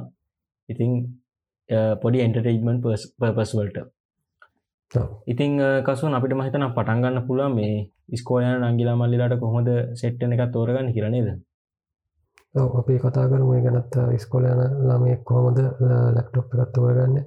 ඉතිං මං හිතන්නේ ස්කෝලයන් ළමයි කිට පස්සේ දැන් ඔන්ලයින් මීටිං සල්ටම සම්බන්ධ වෙන ජොබ්ස් කරන කට්ටියට එහෙම එකම රික්වමන්ට එක තියෙන එකම ස්පෙසිෆිකේෂන් තියෙන ලැප්ටොප් එකක් මං හිතන්න හරි නොන දිරන්න ඕකසුන් මෙහෙමයි. මේක මං දකිනවා දෙපැත්තක්. ඔයා කිව එක සෑහෙන දුරකට හරි. සාමාන්‍යෙන් අපි දන්නවා මේ ඉස්කෝල යන කෙනෙක් නගේ කෙනෙක් මල්ලි කෙනෙක් මේ ගොඩක් කියලාවට ගෙදරින්දන් තමයි මෙයාගේ වැඩකටයුතු කරන්න. එතකොට දැන් කසුන් කිව්වාගේ සාමාන්‍යෙන් වැඩට යන කෙනෙක් වුණත් අපි රැකියාව කරන කෙනෙක් වුණත් ගෙදරට වෙලා රැකිය කටයුතු කරනවන ගොඩක් කලාවට එහෙම අවස්ථාවක දිනම් අනිවාරෙන්ම එකම වගේ ස්පෙසිෆිකේෂන් තින ලැප්ටොප්යක් ගත්තොත් ප්‍රමාණවත්. හැබැයි හැබැයි මේ රැකියාවට යන කෙනා ගොඩක් කලාවට අර ශේත්‍රය ඉන්න කෙනෙක් නම් ඇවිදිනවනං එයාට ගොඩක් ඇවිදින්න වෙනවනං මේ ප්‍රයින්ස්ල හම්බෙන් යන්න තියෙනවනම් ඒ වගේ වෙලාවකද එතකොට පොඩ්ඩක් මේ වෙන ප්‍රශ්නයක් තියෙන මං හිතන්න ගොඩක් ඒ වගේ වෙලාවල් වලදිනම් මේ සමාට කම්පනිකෙන්ම ලැප්ටොප් සරන් දෙනවා. හැබැයි එක්සෙප්ෂන් කේස් තියන්න පුළුවන් සමහරලාට මේ තමන්ට මේ විදි තමන්ගේ පර්සනල් බිස්නස්සයක් වගේ දෙයක් කරනවා නම් මොකක් හරි වෙන දෙයක්කට යන්න වෙන අවස්ථා. අපි ජනරලි මෙතන කතා කරමු. සාමාන්‍යෙන් එඩිකේෂන් පර්පස් එකට. එහමනත් ස්කෝලයන් නංගි මල්ලි කෙන නංගි කෙනෙකුට මල්ලි කෙනෙකුට ගොඩක් කලාවට මේ සෙට් පෙන්නේ මට හිතන විදිර කසුන් අයිත්‍රිය එකක් වගේ සෑහනදරකට ප්‍රමාණවත් ඉන්ටෙල් ප්‍රොසෙස එක අතින් ගත්තොත්. අයිත්‍රියක් කොඳට මැති නැත්තං ඒම්ඩ නං රයිසන්ට්‍රී වගේ හොඳට මැති විශේෂයෙන්ම මේ මම ස්පෙසිෆිකේෂන්ස් ගැන මූලිකවම මතක් කළොත් කෝවයිත්‍රී හරි ඒම්ඩ රයිසන් 3 වගේ ප්‍රොසෙස එකක් තියෙන සාමාන්‍යෙන් රැම් එක අඩුම ගාන එජීබවත් තියෙන දැන් කොමත් අඩුතරම එක්වත් ඕන නේද? දැන් තියෙන තත් එත්ත කඩ කරන්න. පෝජබ තියෙනන එක අනිවාරෙන් අප්ග්‍රේඩ් කරගන්න එජබට මොකද පෝජබ මදි. මේ දෙදා සුසිය කවුරුද්ධනකොට කොහොමත් මදී. ඔද මින්ටෝස් ලැබනු තැවිල දින ඉතින් එකත් එක්ක බලද්දි ෆෝජී හොඳටම් මදි. අවුරුදු පහක් ඉස්සහට යනවා කියල කියන්නවාට ඒජීබිගත් මදිවන ලෙබල්ල එකක් කෙනවා ඒ නිසා පුළුවන් තරං එහෙම ට්‍රයි කරන්න එජීබිවත් කරගන්න. අපි මෙතන මේ බ්‍රන්ඩ් එකක් ලොකුවට මෙන්ෂන් කරන්න යන්න නැහැ. මොකද මේ කසුන් ඇතර බ්‍රන්ඩක් මෙන්ෂන් කළ තේරුමක් නැහැ නේද? නොව බ්‍රන්ඩ් ඔක්කොම එකගේ අපි කොහොම කිව්වත් බ්‍රන්ඩ්ස් මේ අපිල්ල කතා කරන ලෙවල්ල එක බ්‍රන්ඩ්ස් ගොඩක් කලාවට එකයි. ඔයා ඔය කියන කතාව චුට්ටක් වෙනස්සෙනවා පොඩ්ඩක් ඔය බජට් රේන්ජහෙම ඉහල ගිල්ල තියෙන නමුකද අපි ලක්ෂ පහක්කයක් විදන් කරන්න පුළුවන් කෙනෙක්ටරන් වින්ඩෝස් ස් කරන්න පුළුවන්න කෙලිම ඩෙල් එක්ස්පස් වගේ මේ ලැප්ටොප් එකට යන්න පුළුවන් ගොඩක් කියල පොෆෝමන්ස් තියෙනවා. නැතම් එක් එකට යන්න පුළුව නැත්තම් මැක් එකට යන්න පුළුව කිසි ප්‍රශ්නයක් මංකිව එකයිකිවේ වින්ඩෝස් වල්ට කැමතිනම් කියලා. ඒවගේම තව ගොඩක් රේන්ජස් තියෙනවා මේ එමසයි එක වගේම මේ අසූස් ලගේම රොක් වගේ ගේමිං පැත්තර බර ගොඩක් හොඳ ලැප්ටොප්ස් තියෙනවා ඉතින් අපි ගොඩක් මේ කියන්න budget friendly laptop budget friendly options ගැන. වාට එහෙම කරගන්න පුළුවන්. ඉතින් අයිත්‍රී වගේ ඒ ලෙවල් එහ කියන 1TB හාඩ් එකක් හරි 5ල් SSD වගේ තියෙන ලැප්ටොප් එකක්. ස්ටිකක් තියෙනවන ගොඩක් දුරට හොඳයි නේද? SSD එකක් තියෙනවනම් මං කියන්න ගන්න කියලා. මොකද SSD එකක් තිබොත් කසුන් ඔය කාලයක් යද්දි මේ ටක්වන ප්‍රශ්නය මඩුයි සෑහන අඩු වෙනවා. ඒවගේම දැන්ව SST ටෙක්නෝජිස් පොඩ්ඩක් ඉහළ ගිහිල්ල තියෙනවා. SST වෙනුවට NVMe වගේ ඩ්‍රයි් එකක් දාගන්න වන මහිතන් එම ප්‍රයිස් වල ට්‍රේන්ජ ලොකු වෙන සක් නැහැ. අනිවාරෙන් එතන්ට යන්න කියලා මං කියනවා. මේ මොකොද මං කලින්කි වගේ ලැප්ටොප් එක අදට විතරක් නෙමේ ගන්නවාට ඉස්රහට තෝන ඕන වෙනවා. ඊට අමතරව සාමාන්‍ය අඟල් මං හිතනවා අඟල් පහලෝකත් ස්ට්‍රීන් එකත් තියෙන ලැප්ටොප් එකක් ගන්න කියලා. අනිත්තක දැන් ගොඩක්ම ඔන්ලයින් මීටිං සේම ලාසත්සේම තියෙන කෙනෙන්නම් අනිවාරයෙන් පොඩ්ඩක් බලන්න. මේ වෙබ්කැම් එක පලේස්මට එක් ගැනමක අපි දකිනවා. දැන්ගෙන ලැප්ස්ටොප් කල කියන්න ස්ක්‍රීන් එක උඩත්වෙනවා නැත්තං සමාර ලැප් ලැප්සලෙනවා කී බෝඩ් එක. දිය ගැනත් පොඩ්ඩක් ඉගැන පොඩ්ඩක් සැලකිලිමත්වෙන් වෙනවා. ස්ත්‍රීන් එක පල්ලහක් තියෙනවා මංහිතන්න ගොඩක් කලාට ඒවගේ ලැප්ටොප්ස් මිලිං මිලින් අධික ලැප්ටොප්සල තමයි තියෙන් ඔය ප්‍රශ්නය වා සාමනය ජෙන් බුක් වගේ යනන අසූස් ලගේ. අසුස් ජෙන් බුක් එක එහෙම මේ මේකක් නැහැම එහෙම පලේස්මට එකක් නැහැ. බැයි මන් දැකල තියෙන සමහර ඒවගේ අර පොඩ්ඩක් කර අල්ට්‍රබුක්ස් කියන මාදිලිය ලැප්ටොප් යනට යනකොට ගොඩක් කලාවට අරේගොල්ලො මේ ස්ක්‍රීන් එක වටේ තියෙන බෝඩ එක අඩු කරගන්න බෙබ් කැම් එක එක තැන්වට මූ කරනවා. සමහට කර හරි ඔක්කොඩ්ඩන්න පුළුවන්. මේ ඔය කීබෝඩ් එක හෙමනත්තා යටහෙම තිබොත් චුට්ටක් ඒවත් බලන්න. ඒවගේම වැදගත්ම එකක් තමයි කසුන් මේ USB ටයිප් C පෝට් එකක් තියෙනවද කියලා බලන්න. මොකද අපි දන්නවා දැන් මේ වෙනකොට හැමදේම ගොඩක් වේගෙන් අර USB සීවලට කන්වර්ට් වෙනවා. USB ඒවලින් මේ ඒ නිසා ඔයාගේ කම්පියුට එක අනිවාරයෙන් USBC පෝට් එකක් තියෙනවද කියලා බලන්න. එක පෝට්ටක් හරි තියෙන එකක් ගත්තොත් හොඳයි කියලා මම පර්සනලි හිතනවා. CDDVD ටයිප්ස් නම් ඇත්තරම ලොකු තේරුමක් නෑ. අනිත HDMI සපෝට් කරන වෙලා පොඩ්ඩක් බලන්න වෙනවා. අනිවාර්යයෙන්ම. එතකොට බලන්න මේ ලෑන් පෝට් එකක් එහෙම තියෙනවද කියලා. විශේෂයෙන්ම ඔය ප්‍රශ්නය එන්නේ එකක් ගන්න ගියොත් නේද?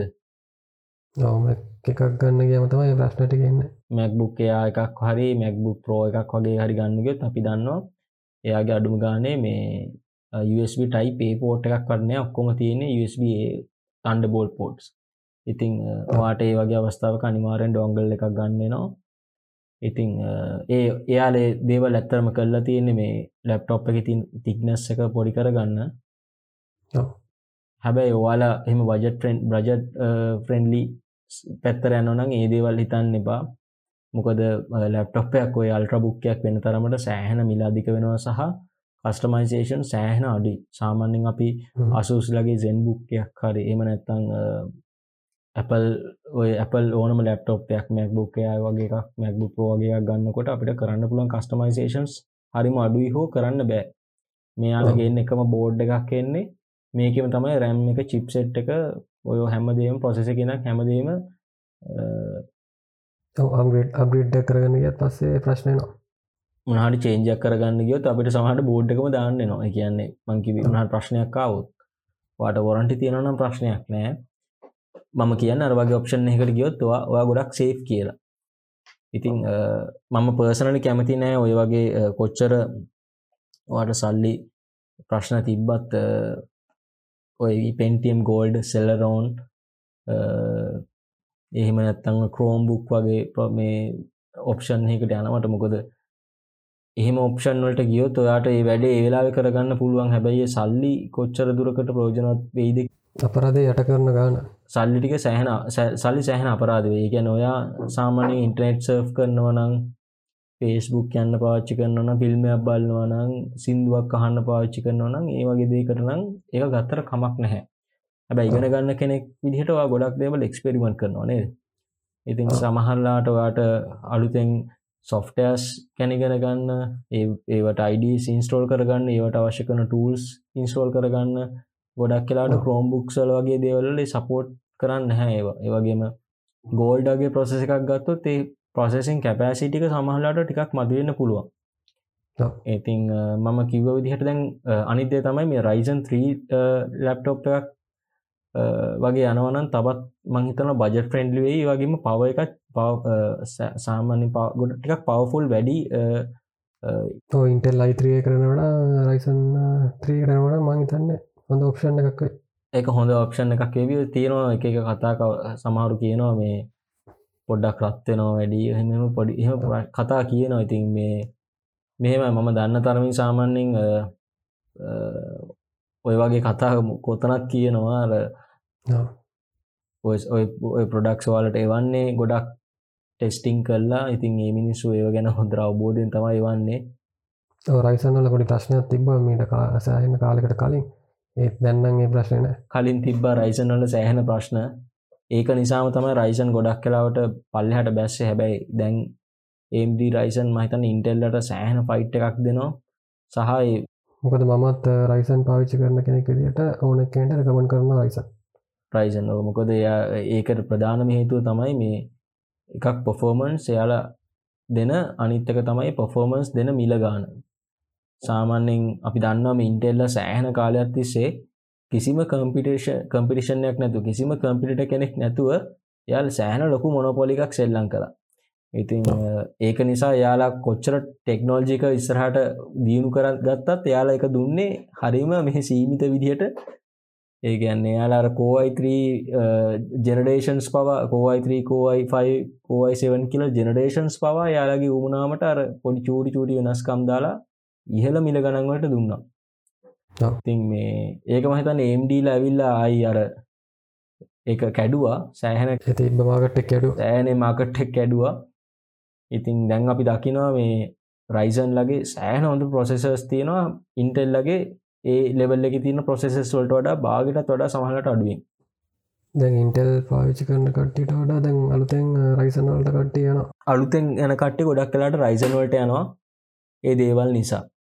ඉතින් මං හිතන්නෑ මේ ඒතකොට ඔය ලැප්ටොප්ස් වලටත් එහෙම ප්‍රශ්නයක් ඒ කියලා. මම ලැප්ටොප්යක් පර්සනල යස් කරල නන්න හැ එකත් කියන්න ඕනේ. හැබැයි මං හිතන් එහ ප්‍රශ්නයක් වෙයි කියලා. මොකොද ලැප්ටොප් සවාල විතරක් නෙමේ වල සෑහන් ප්‍රමාණය පාවිච්චි කරනවා ලංකාවේ. ඉන්ටෙල් අයිත්‍රයිෆ කිව හම තමයි ලැප්ටොප්ස් දන්නේ. තින් ඒක තමයි ප්‍රධානම හේතුව මේ කවුරුත්තුව පාවිච්චි කරන්න. තිනට කැමරාගේ තමයි නේද කසුම් අර හැමෝම දන්නේ කැනන් නිකන් හැමෝම කැනන් නිකන් ගන්නවගේ තමයි. ඉතින් කවුරුත්තගේ අපි කතා කරන සෝනි ඇසල් බ්ලේඩ් වගේ කැමරාස් ගැන කවුරුත් කතා කරන්න නැහැ. ඕ කතා කරන්න බයයි ඕ ගන්න නෑ. ඒ කට් වඩු නිසා. ඉතිං ඒව ගැන හිතන්න එපා. මංහිතනව ඉතින් රයිසන් ත්‍රී වගේ යන්න පුළුවන්න සෑහන ගානකට සෑහන ගාන කඩුවෙන් යන්න පුළුවන්. ඒ වුණොත් මහිතන්න එකයි හතලියත් තිහක් අතර නේද කසුන්? ඉන්ටෙල් එකක් ගන්නට වඩා කොමත් විස්සක් තියක් අඩුවෙන් ගන්න පුළුවන්ගේන මෙම පිසිකක් හැදුත් අපිට එච්චර රේන්ජ එකක් තියාගන්න පුළුවන්ගේ හැබැයි ලැප්ටොප්යක් ගත්තර පස්සේ එච්චර ලොකු පරතරයක් තියාගන්න මංහිතන්න එක් ලක්ෂ තිස් පන්දහත් පනස් දහතත්තර ප්‍රමාණයකට එක්ලක්ෂ විසිදහත් පනස් දහතත ප්‍රමාණයකට මේ අයිතරී හෝ රයිසන් 3 ලැප්ටොප්යක් වාට මංකිව්ව ස්පෙසිෆිකේෂන්ස් එක්ක ගන්න පුළුවන් වෙයි. මේක චුට්ටක් වෙනස් වෙන්න පුළුවන් පොඩ්ඩ පොඩ්ඩ පොඩ්ඩ දහදහක් උඩ සහ දහදහක් යට වෙනස් වෙන්න පුළුවන්. හැබැයි සාමන මේ රේන්ජ එක වෙනවා. දැන්සා මීට අවුරුදු එක හමාරකට කලින්න්න සාමන අසූදාහක් අනුදාහක් වෙනකොට අයිත්‍රීකක් ගන්න පුළුවන්. මේ හැබැයි දැන්ගේ තත්ත්ය පොඩ්ඩක් වෙනස් වෙලා තියෙන්නේ.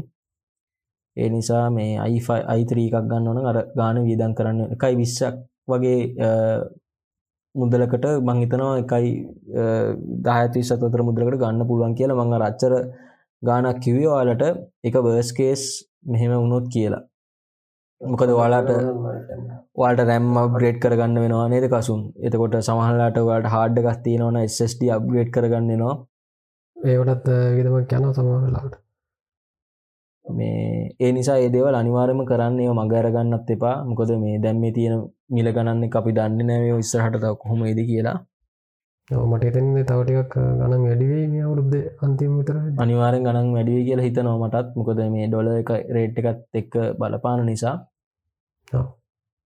ඒකත් චුට්ටක් හිතන්න නේද කසුම් අනිවාර ඒවගේම හිතන්න මගොල්ලෝ ගන්න ලැප්ටොප් එක බැට්‍රි පවක් ගැනත් පොඩ්ඩක් හිතන්න. මොකද අපි දන්නවා ට්‍රවල් කරන කෙනෙක් වගේ නම් මොකද නිතරම ලැප්ක ලැප් එකේම අරංයන කෙනෙක් වගේ හොඳ බැට් බැටි පවගත් තින ගන්න මම එක තමයි කසු මුලින්ම කිව්ව අර අපි ටිකක් කැබිදින බිස්නස් කරන කෙනෙක් නම් වැඩ කරන කෙනෙක් නම් පොඩ්ඩක් ඒ ගැන හිතන්න ඕන කියලා. කියන්නේ වෙන හිතන්න දේවල් තියෙනවා කියලා.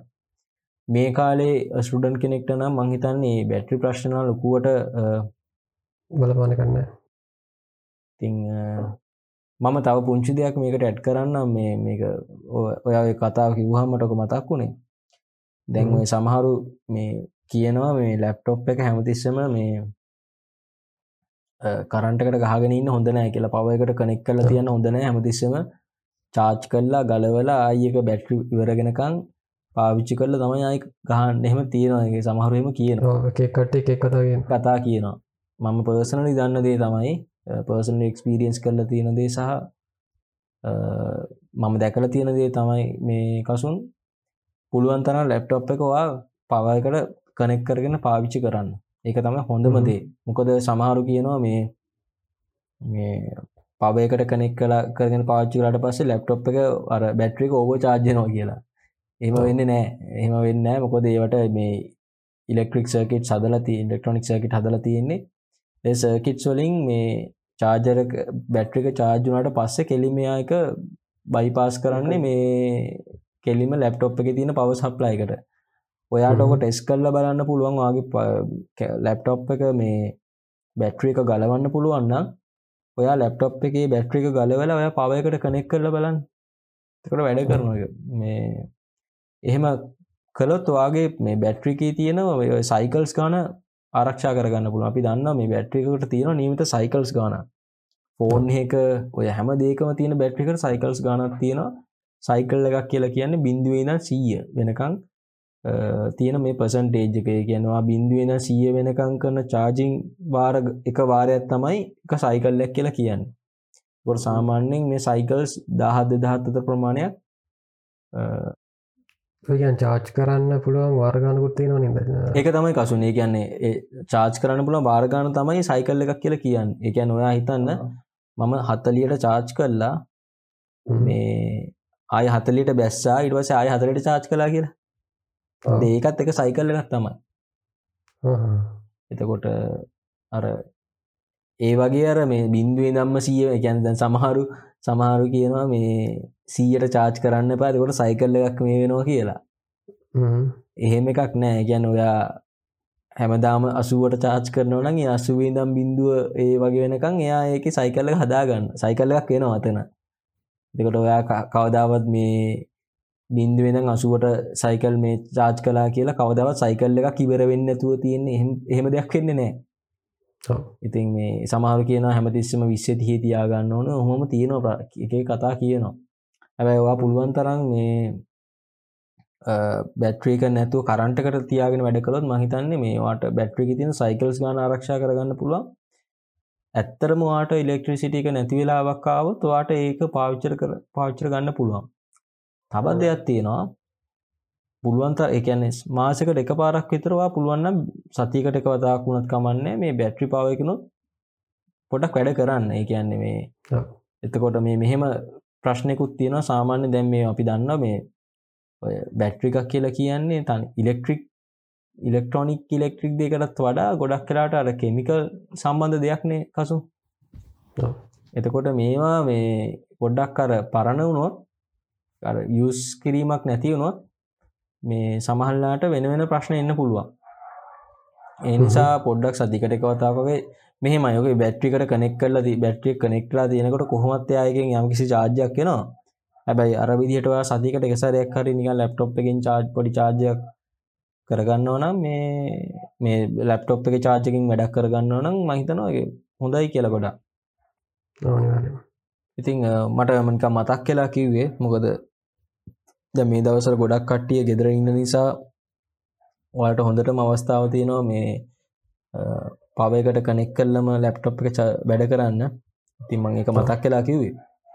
ඉතිං ඒවගේට තව දෙයක් අමතුමා හිරන්න කියන්න ජීපවේ ගැන. ස්ටඩන් කෙනෙක් වගේ නම් ඇත්තටම දැනට ඔන් බෝඩ් විජයගත් තියෙන් ලපයක් ගත් ඇති නේද? අනිවාරෙගෝ ඒක අපි දන්නවා දැම පොඩියනම් කියන්න මේ ස්කෝල යන කට්ටියන අනිවාරම් කොහොමරි අර ගේම් ගහන්න ඕන නිසා මේ එක්ස්ටනල් ජීප එකකට යන්න රයි කරනවා. මොකද අපි දන්නවා ලැප්ටොප්සල කසුන් මේ අනිවාරෙන් ගොඩක් කියලාට මේ දවස්සල තියෙනවා එක්ස්ටනල් ජීප එකක්. මං මෙතනද මේක කියන්න ට්‍රයි කලේ නැත්තේ එක හේතුවත් තමයි මේ අයිත්‍රී වගේ ප්‍රොසෙස රේන්ජගේ තියෙන ලැප්ටොප්සට ගොඩක් කියලාට එක්ස්ටනල් ජීප එකක් කෙන්නේ නැහැ. ඒකට හේතුව තමයි ගොඩක් කරාට මේ අයිතරී වගේ පාවිච්චි කරන්න සාමාන්‍ය එදිනදා දේවල්ලට නිසා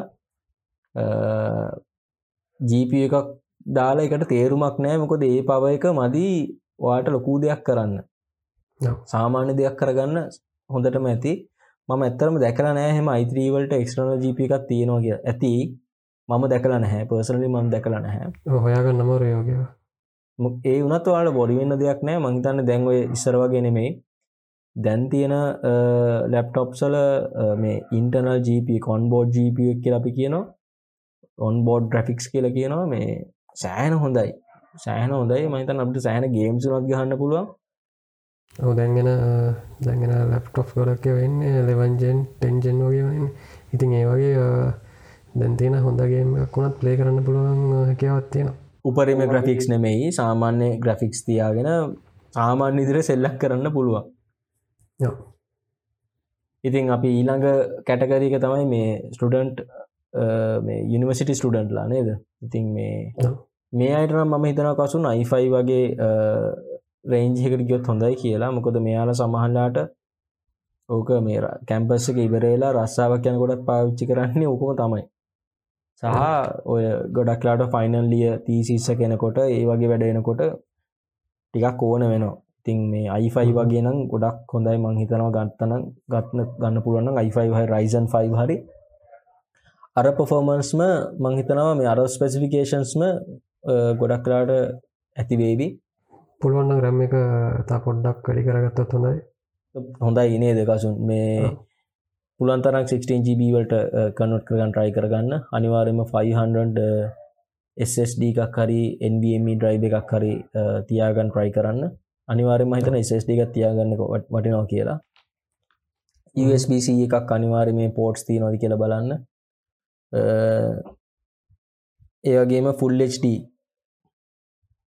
ස්ක්‍රීන් එකක් තියෙනවා නම් ඔයාලට ඉතින් ෆිල්ම් එකක් වුණත් ලස්සනට බලන්න පුළුවන්.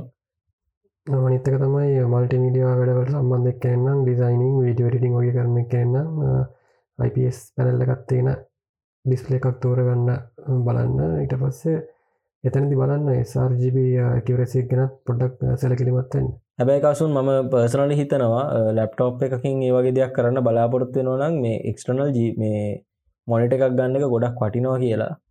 මොකද මේ අපි දන්න ලැප්ටෝප්සල ගොඩක් කලාවට ඔය අපි ඔපි කියන බජට් එක තියෙනවල එච්චර හොඳ ඩිස්පලේස් නැහැ.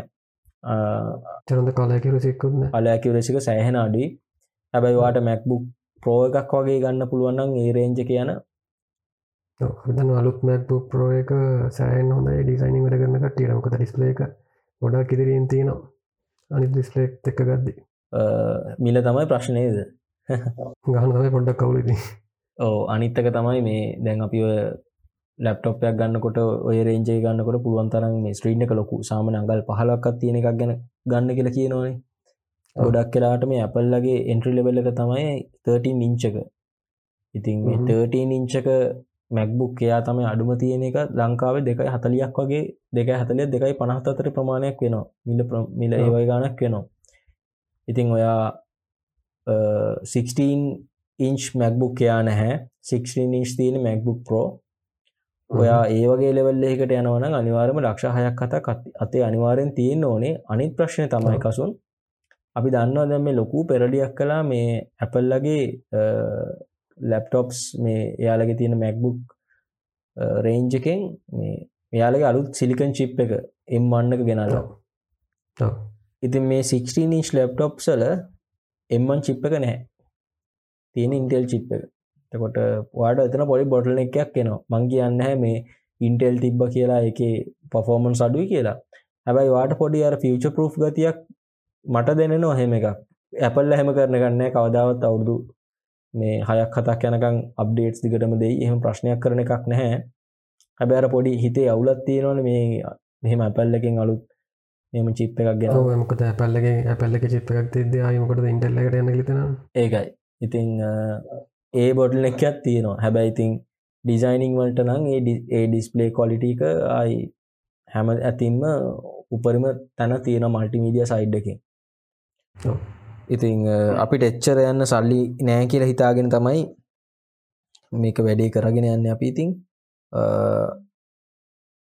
i3 රේන්ජ එක i5 රේන්ජ එක යනවනම් ඔය තියෙන සුදුකම් තිබ්බාම් හොඳට මැති වගේ මවා කැමතිනම් එක්ස්ටර්නල් ජීප එකක් ගන්න එක්ස්ටර්නල් ජීප එකක් තියෙන එකක් ගන්න. සාමාන්‍යෙන් ඔය ගානන් ආවට පස්සේ මත රුපියල් ලක්ෂ දෙකත් දැන්න කොමත් දෙක පනි නවනේ. දම හකික ගන්න යත්ත සාමන අපිතුම එක් ලක්ෂ අසූදාහත් දෙලක්ෂ විසිදහතත ප්‍රමාණයක් වෙයි. ඔය අබ්‍රේට්ස් ටිකයියෝ හැම දේමාවට පස්සේ. ඉතින් හැබැයි මම හිතනකසු ම පර්සනල හිතනවා මට ලැප්ටොප්යක් ගන්න ඕනුනනම් ඔය ගාන තියාගෙන මං ගොඩක් කලාවට මේ මගේ තියෙන රික්වයිමන්ස් එක් අනු මම මැක්බුක් එකට යාවි කියලා. මොකද ගොඩක් කලාට ඒක බර්ද් අපි දන්න ඔය වින්ඩෝස්වල තියෙන ගොඩාක් ප්‍රශ්න මේ ඇපල්ලගේ අඩුයි. මේ ඇපල් ලැප්ටොප්සල අඩුයි. සෑහන හොඳ පොෆෝමන්ස් තියනවා. සෑහන හොඳ අප්ඩේට්සෙනවා මේ හොඳ බිල් කොලිටිකත් තියෙනවා. ඉතින් අර ස්ලෝ වෙන ප්‍රශ්නයහෙම සෑහන අඩුයි මේ ඇපල් ලැප්ටොප් සල ඉතින් ඒ වගේම මේ අලුතෙන් ආපු එම්මන් සිලිකන් චිප් එක නිසා මංහිතන්න ගොඩක් අය මේ හරිම තවත් පොඩ්ඩක් ඒ පැත්තර බරවුණා මේ වින්ඩෝස් ලැප්ටොප් සල්ට වඩා ඒ පැත්තර පොඩ්ඩක් ට්‍රයි කරන්න. ඔද මාකට් එක ගොඩක් ඇඩියලා තින ඇපල් ලැප් ගන්න කට්ටි වැඩියලා තියෙනවා. ඕ අනිවාර්යම ඉතිං මං කියන්නේ වාලා එම සාමාන්‍ය වින්ඩෝස් පැත්තර යන කෙනෙක් නම් ඒ ඒ ඔප්ෂන්ස් ගන්න පුළුව මොකද ඇපල් ගිහම කසුන් තවත් ප්‍රශ්නයක් තමයි. මේ අපි පොඩිකාලින යුස් කල තින වින්ඩෝස්නේ ඇපල් ගියා කියල කියෙන අයි හැමදේම නස් වෙන නවා ඇතකොට යාඩ එතන පොඩි ලර්නිික එකක් තියෙන්න්න පුළුවන්. කාලයක් යන ඉතින් මැකෝසර ඒක ප්‍රශ්නයක් නෙමේ ලොකු. හැබැයිතින් අර එකත් සමහන් ප්‍රශ්නයක් කියල දකින ඇතිනේ අනිත්තක තමයි මේ ඔය සමහර දේවල් තියන් දැන් ගේම්ස් ගහන්න බෑ. ගේම්ස් ගහනවන ඒමට වෙන වෙන ක්‍රම පාච්චි කරන්න වෙනවා. එතකොට අර සෑ ගොඩක් කලාවට අර ඩොංගල් වගේ දේවල් පාච්චි කරන්න නවා කිසිම දෙයක් ඩිරෙට් ගහන්න අඩුම ගන්න ලෑන් කේබල්ල එක ඩිරෙට් ගහන්න බෑ. ස්ටීම එකක් ඩිරෙට් ගහන්න බෑ. හැම. දෙයක්ම අපි ඩොංගල් එක තරූ තමයි කරගන්න ඕනේ. කොට අපිට ගොඩක් ලොකු හාඩ අපි ස්ටෝරේජ් කැපසිටිස්වලට අන්නව ගොඩක් එක්ස්පෙන්සිව් ඒ වගේ ප්‍රශ්න තියෙනවා. දි මේ දැන් අර වගේ ලැප්ටොප් එකන්න පොඩ්ඩක් කීරුණාම ප්ලාස්ටික්නේ මොකක්කරි කරලා ගොඩදා ගන්න පුළුව එච්චර ගානකුත් නෑ. දැනෙන්න චරිත බයිද මේ බහෙම නෙමේ. අඩි පරිස්සමෙන් පාවිච්චි කරන්න ඕනේ පොඩ්ඩක් අවුල්ගියොත් ලක්ෂ ගාන කරපයාරැක් එන්න පුළුවන්. මේ ඔම ප්‍රශ්න තියෙනවා ඉති හැබැයි වාට එක්ස්පීරියන්ස කතින් මං හිතනවා මේ වින්ඩෝසොල්ට සම කරන්න බෑ. මොකද හේතුව තමයි කසුන් අර අපි දන්නවා වින්ඩෝස් කම්පනීක මේ මයිකසොප් කම්පනීක ගහන්න මේ වින්ඩෝස් ඕස් එක විතරයි. යාල කවදත් වින්ඩෝ සාඩ්‍යයා ගහන්න ගහනවා දැඟ මං කියන්නේ ඔය හැම ලප්ටොප් එකම තියෙන වින්ඩෝ සාඩ්‍ය අනමේ මේ මයිකසොප් හඩ අනමේ ගත්ත නාඩරයි එක බ්‍රන්් එක කීට පස්සේ අනිත්තේවා තව බ්‍රෑන්් ඉති ලක්ෂ ගානත් තියෙන තිහෙම ඩිවයිසස් හැබැයි මැක්බුක්යක් අපි ගත්තොත් එයාලගේ ඕස් එකයි මේ හාඩ ඕස් එකයි තියෙන හාඩ්ඩයරුයි හැමදේම හදන්නේ. ගොඩක් සොෆ්ටයසුයි හැමදේම හදන්නේ. ඇපල් කම්පනික ඉතිං අපි දන්න ඔය දැන් මේ සමහරු සෑහැන දැන් කතා වුණා මේ ඉන්ටෙල් එකට වැඩ කරපු සොෆ්ටයස් දැම එම්මන්න එකට වැඩ කරන්න ඇද්ද එහෙම එහෙමයි කියලා සෑහන ප්‍රශ්න ඒගොල්ලො ගෙනල්ල තිබ්බායුනට අපි දැක්ක එකොල්ලු අර මේ රොසෙට කියලා එක මේ අපි අපි එක නිකං අපි හිතමු නිකම් මේ මොකක්කරි මේක කෙලිම වැඩ කරන්න මේ ආකිටෙක්්චකට කෙලිම වැඩ කරන්න බැරි නිසා එයාලා අර මේ රොසෙට කියන සිිස්ටම් එක තුරු මේක රන් කරලා ඒ සිිස්ටම් එක ඒ තියෙන ඇපුත් හරිම ස්මූත් විදිහට රන්වෙන විදිහට එයාලා එක ඩිසයින් කලා අපි මහිතන් තවටික දවසක් යනකොට ඕක මේ ගොඩක් ඉම්පරමන්ටස් දකි දැනට පොඩි පොඩි ප්‍රශ්න තියෙනවා. ඔය මේ එම්මන් එම්මන් චිප් සෙට් එකට එක පාර ඩිස්ලේ දෙකක් ගහන්න බෑ. වගේ ප්‍රශ්නටිකත් තියෙනවා. මේවාට මහිතන සොෆ්ට අප්ඩේට් සොලින් හෙම සෑහන මේකක් ඒ කියලා. ඔය දැන් පොඩ්ඩක් සොෆ්ටයස් සපෝට් කරන ගතිය අවුඩුනාට ඉස්සරහටක අනිවාරෙන් එම්මන් සිලිකන් චිප් එක යුස් කරන නිසා ගොඩක් කරාට මේ ඉස්සරාර්දී අනිවාර්යම සෑහන් හොඳ වෙයි සෑහන් අප්ඩේට් සුත් එයි. ඉතිං ඒක තමයි ඔය කතාව. අයිෆයි ඔය රේංජක යනවනම් අයිසෙවන්න යනක මහිතන් ලොකු තේරුමක් නැහැ කසුන්. ස්ටනිය ස්ටඩන් කෙනෙටෝ ගෙන අයිසවන්න එකක් මොකද ගානත් වැඩී ගානත් වැඩී කසුන්. අනිත්තක මේ ඔයාට එච්චර අවශ්‍යතාවයක් තියෙනවනම් අපි හිතමු නිකං එයා ග්‍රෆික් එකන්නේ ලොකුම ලොකු වැඩත් තියෙන කෙනෙක් වෙන්න ඕනේ ද ග්‍රෆික් සම්බන්ධෙන් හරි 3D මොන හරි කරන කෙනෙක් හරි මේ වාට අති කැන් ස්පෙසිෆික් අවශ්‍යතාවයක් නැත්තම් අයිසවන්න එකට යන්න එපා. ලොකු තේරුමක් නෑ ඇත්තරම වාට එහෙම ලොකූ මනාවත් තියෙනවනම් වාට මම කියන්න එක්ක පිසි එකක් හදාගන්න කියලා.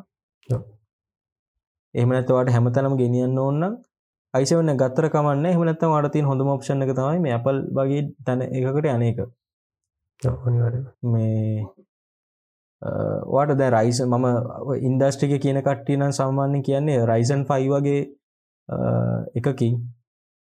රාජනයි ෆයි වගේ චිප්සෙට් එකින් අයිසවන් වගේ පොෆෝමන්ස් ගන්න පුළුවන් කියලා. මේ කොහෙවත් බෙන්ච්මක් කරලා තියෙන දේවල් මේ කසුන් මේ නිකං අර එක්ස්පීරියන්ස එකෙන් කියන දේවල්. ඉතිං පොඩ්ඩක් ඒවත් ගැන හිතන්න.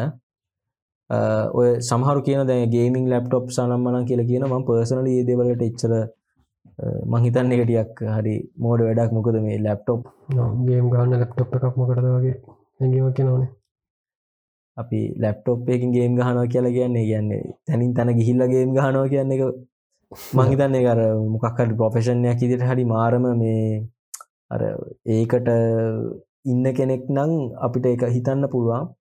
හැබැයි සාමාන්‍ය කෙනෙක්ට අර ඒ වගේ ලක්ෂ දාහය පහල්ව දීලා එම ගේම් ලප්ටොප්යක් ගන්න කියන හරි බොරුව ඩක්වාට පුළුවන් ඒ සල්ලිවලින් අඩු ගානක් දීලා ඉටත් වඩා හොඳ. පිසි එකක් බිල් කරගන්න ගේම්ස් ගහන්න අනිවාර්ය හොඳ මේ සෞන්් සිිස්ටම එකක් දාලා හොඳ ඊට වඩා විශාල ස්ත්‍රීන් එකක් පාවිච්චි කරලා නේද? ඩිස්පලේස් ගොඩක්. පාවිච්චි කරලා. ගොඩක් මේ හොඳ මේ ග්‍රෆික් කාඩ්ඩක් යස් කරලා හොඳ දෙයක් කරන්න පුළ මොකොද අපිට දැන් ඔය තියෙන චිප්සෙට් එකක්වත් කසුන් මේ ලැප්ටොප් සල තියෙන සමාන කරන්න බෑ මේ ඩෙක්ස්ටොප් මේ ප්‍රොසෙස එකට. ලඟින්වත් තියන්න බෑ. ළඟිවත් තියන්න බෑ. මේ ඔක්කෝ මොබයි ප්‍රොසෙසස් එන්නේ ඉතින් මේ අනිවාර්යමවාට ඒ වගේ දෙයක් ඌමනාවත් තියෙනවන මං කියන්නේ පිස්සික කදාගන්න තයි හොඳම වැඩේ. මොකද ඒ වගේ ඌමනාවත් තියෙන කෙනෙක් කියරත් ඔහොම තැනින් තැනට කිල්ල වැඩ කරන්නෙත් නෑ. මේ හැබැයි හෙම ලොකූ මනාව ටික කලක් ඇද ඔගොල්ලට මේ පාවේ මේ ලොකු වැඩ කරන කෙනෙන්නම් ලැප්ටොප් එක කරගෙන වැඩ කරන්න ගියා. මොක අපි දකින ඔය දැන් අසුස්සක තියන ක්‍රඩේට වගේ මේ ගේමින් ලැප්ටොප්ස් තියනවා. යට මේ ඒවා පවරප් කරන්න පව සප්ලයිස් දෙකක් ගහන්න ඕනේ. වගේ ලොකු ප්‍රශ්න තියෙනවා. මං අහන්න මිනිස්සු ඇයි ඔච්චර දුක්කිඳගෙන මේ ඒ වගේ ලැප්ටොප්යක් යස් කරන්න? මංහිත අපි බලාපොරොත්තුවෙන්නේ මොකක්ද තින් එතනත් ලොකු ප්‍රශ්නයක් තියෙනවා. ඒ වගේ එක බරයි. ඉතින් ගොඩක් උත්සන් යන්න සූට් කේසයක් වගේ. ඉතින් කොට පෝට බිලිටික කියන එකත් අඩු ඉතින් ඉ මෙහෙමයි. මේ කර ගොඩක් කරේ ඒ සම්බන්ධ එන්තුසියස් කෙනෙක් නං ඉතින් අර ඒකට අපිට මුකුත් කියන්න බෑ. ඕ එක කෙනගේ කැවත්තන ඉතින් ඉන්න නිසානේ ලැප්ටොප් ඇත්තර මදන්නේ ඉතිං මංකි මම පරල හිතන විදිිය මම කිව එක වෙනස් වෙන්න පුළුවන්. බජට් ප්‍රෙන්ඩලි ගයිඩ්ඩක් ඉදිර කියන්නේ ඒ වගේ දේකට යන්න ඕන්න ලැප්ටොප් ගන්න එපා පිසි එකක් හදන්න. එම නැත්තම් මැක්බුක් එකකට වගේ යන්න ගේම්ස් ගහන්න බෑවාට මොකක්ද සාමාන්‍යෙන් අපි කියනවා මේ 3D වගේ මොඩ්ලිං වගේ වැඩ කරන්න ඕන්නම් ඒක තමයි ඊළඟට තියෙන හොඳම මොබයිල් ඔප්ෂන් එක පෝටබල් ඔප්ෂන් එක ඒක. ඉතින් කසුන් මහිතන අපි ඔක්කොම කව කරන්නේද මොහරි අපිට මිස්සුනාද ඒ වගේ මන්තිවට මතක් කරන්න යන්න ඔල ලැප්ටොප් එකක් අද්දි වරන්ටියක් ගැන පොඩ්ඩක් හිතන්න. ඒ වගේම ඔක ලැප්ටොප් එක ගන්න තැනගෙනත් පොඩ්ඩක් හිතන්න. මොකද අපි දන්නවා හොඳ ලැප්ටොප් එකක් ගන්න හරි අමවරී තැනකවා ගන්න ඉතිං පොඩක් ඔගොල ලැප්ටප බයි කරන්න යනවන ඒ ගන්න තැනගෙනත් පොඩ්ඩක් හොල බලන්න යන්න කලින්. අනිවාරම ඒක හොඳ කතාවක්. මොකද මේ බොරන්ටි ගන්න වගේ නෙමේ ගිහිල්ලව කලේම් කරගන්න හම් බොරන්ටි නන්දෙයි කලේම් කරගන්න යන්ත ප්‍රශ්නය මතන අපි කලින් පිතෝටි කතා කරවරට කලේම් කරගන්න ගිය වෙන ප්‍රශ්නගෙන ඒක තමයි. ඒක ලොකු ලොකු ප්‍රොසෙස්සයක් එක කරන්න කරගන්න ගියාට පස්සේ ඒ නිසා පුළන්තරන් ට්‍රයි කරන්න. මේ අපි දන්න දැන් ඔය ගොඩක් තියෙනවා ලංකාවේ මේ අසුස් වගේ බ්‍රෑන්ස් ගත්තර පස්සේ මේ ගොඩක් කරාට අර ගලෝබල් වෙනම ඒජන් කෙනෙක් ඉන්නවා. කසුන් අර වෙනම මේ එයාලා අපි ශොප්සලින් සල්ලි දිල ගත්තට ඒජන් කෙනෙක් ඉන්නවා. ඕතරයිස් ්‍රීල කෙනෙක්කින් ගන්න පුළුවන්නම් සෑන්න හොඳයි. ඉතින් මේ ඒවගේ කෙනෙක්ගෙන් ගන්නවනම් පුළුවන්තර ඒවගේ කෙනෙක් ඉන්න දේවලින් ට්‍රයි කරන්න ගන්න ට්‍රයි කරන්න එතකොට මේ සමාට දැන් දෙනවා මේ ගලෝබල් ොරට ඉන්ටර්නශල් බොරන්ටි දෙනවා. ඒ වගේ දේවලින් ගත්තර පස ගොඩක්ලාට ලේසි දැන් ඇපල් ඩිවයිසස් වලත් මං කියන්නේ අනි හොඳ දෙයක් තමයි මේ වාට ඇපල් කයා තියෙනවනම් මේවා කොහෙන් ගත්තත් ඒ ඩිවයිසක මෙහෙ ඒක වට රැපයා කරගන්න පුළුවන්. ඉතිං මෙහෙමයි. සම එක ඇති ගයිඩ ලයින්ස් මන් දන්න තරමින් ඉන්ටර්නශල් වොරන්ට තියෙනවන මෙහෙ තියෙන ඕතරයිස් දීල කෙනෙක් දීගාවට දීලා වොරන්ට කලේම් කරගන්න පුළුවන්. ප්‍රශ්නයක් වෙන්න. ඉතිං ඔය ඉතින් අනිත්තේව ගැන මං ඉච්චර දන්නේ නෑ හෙම සමහර දේවල් තියන අසුස් බ්‍රන්ඩ් වගේ තියනවා මේ බට ඉන්ටර්නශල් වොරන්ටි එකක් කම්බෙනවා මේ ඒවගේම මන්ද මම මං ඒ වගේ කිහිපයක් ගත්ත බඩු අසුස් ලගින් කෙලින්ම නෙමේ අසුස් ලගින් ඩිරෙක්ලි ගත්ත නැහැ. වෙන වෙන ශොප්ස් කීපයකින්.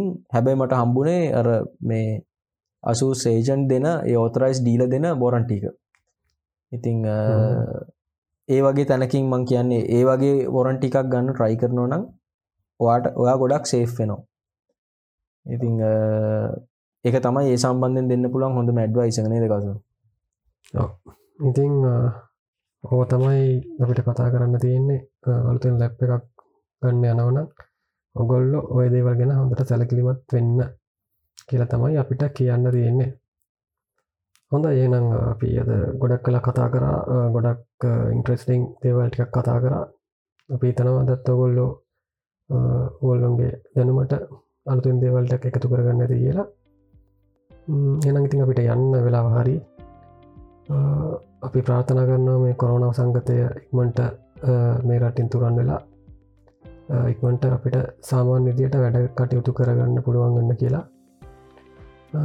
ඒනංඉතින් අපේ පිසෝඩ් එක ගොලන්ට ආන්න පුළුවන්. මු දාන්න ඩිස්ක්‍රපෂන් එක ආන්න පුළන් ෆලට්ෆෝම්ස් ටික. තවත් ඇදගත් ඔගොල්ලහන්න කැමති දේවල් ටිකක් එක් ඊළඟ පිසෝඩ්ඩ එකතුවමු එන පරිසමින් හැමෝම ගීගෙන්න්නම් ජයවේවා මම කසුම මම හිරන්නේ.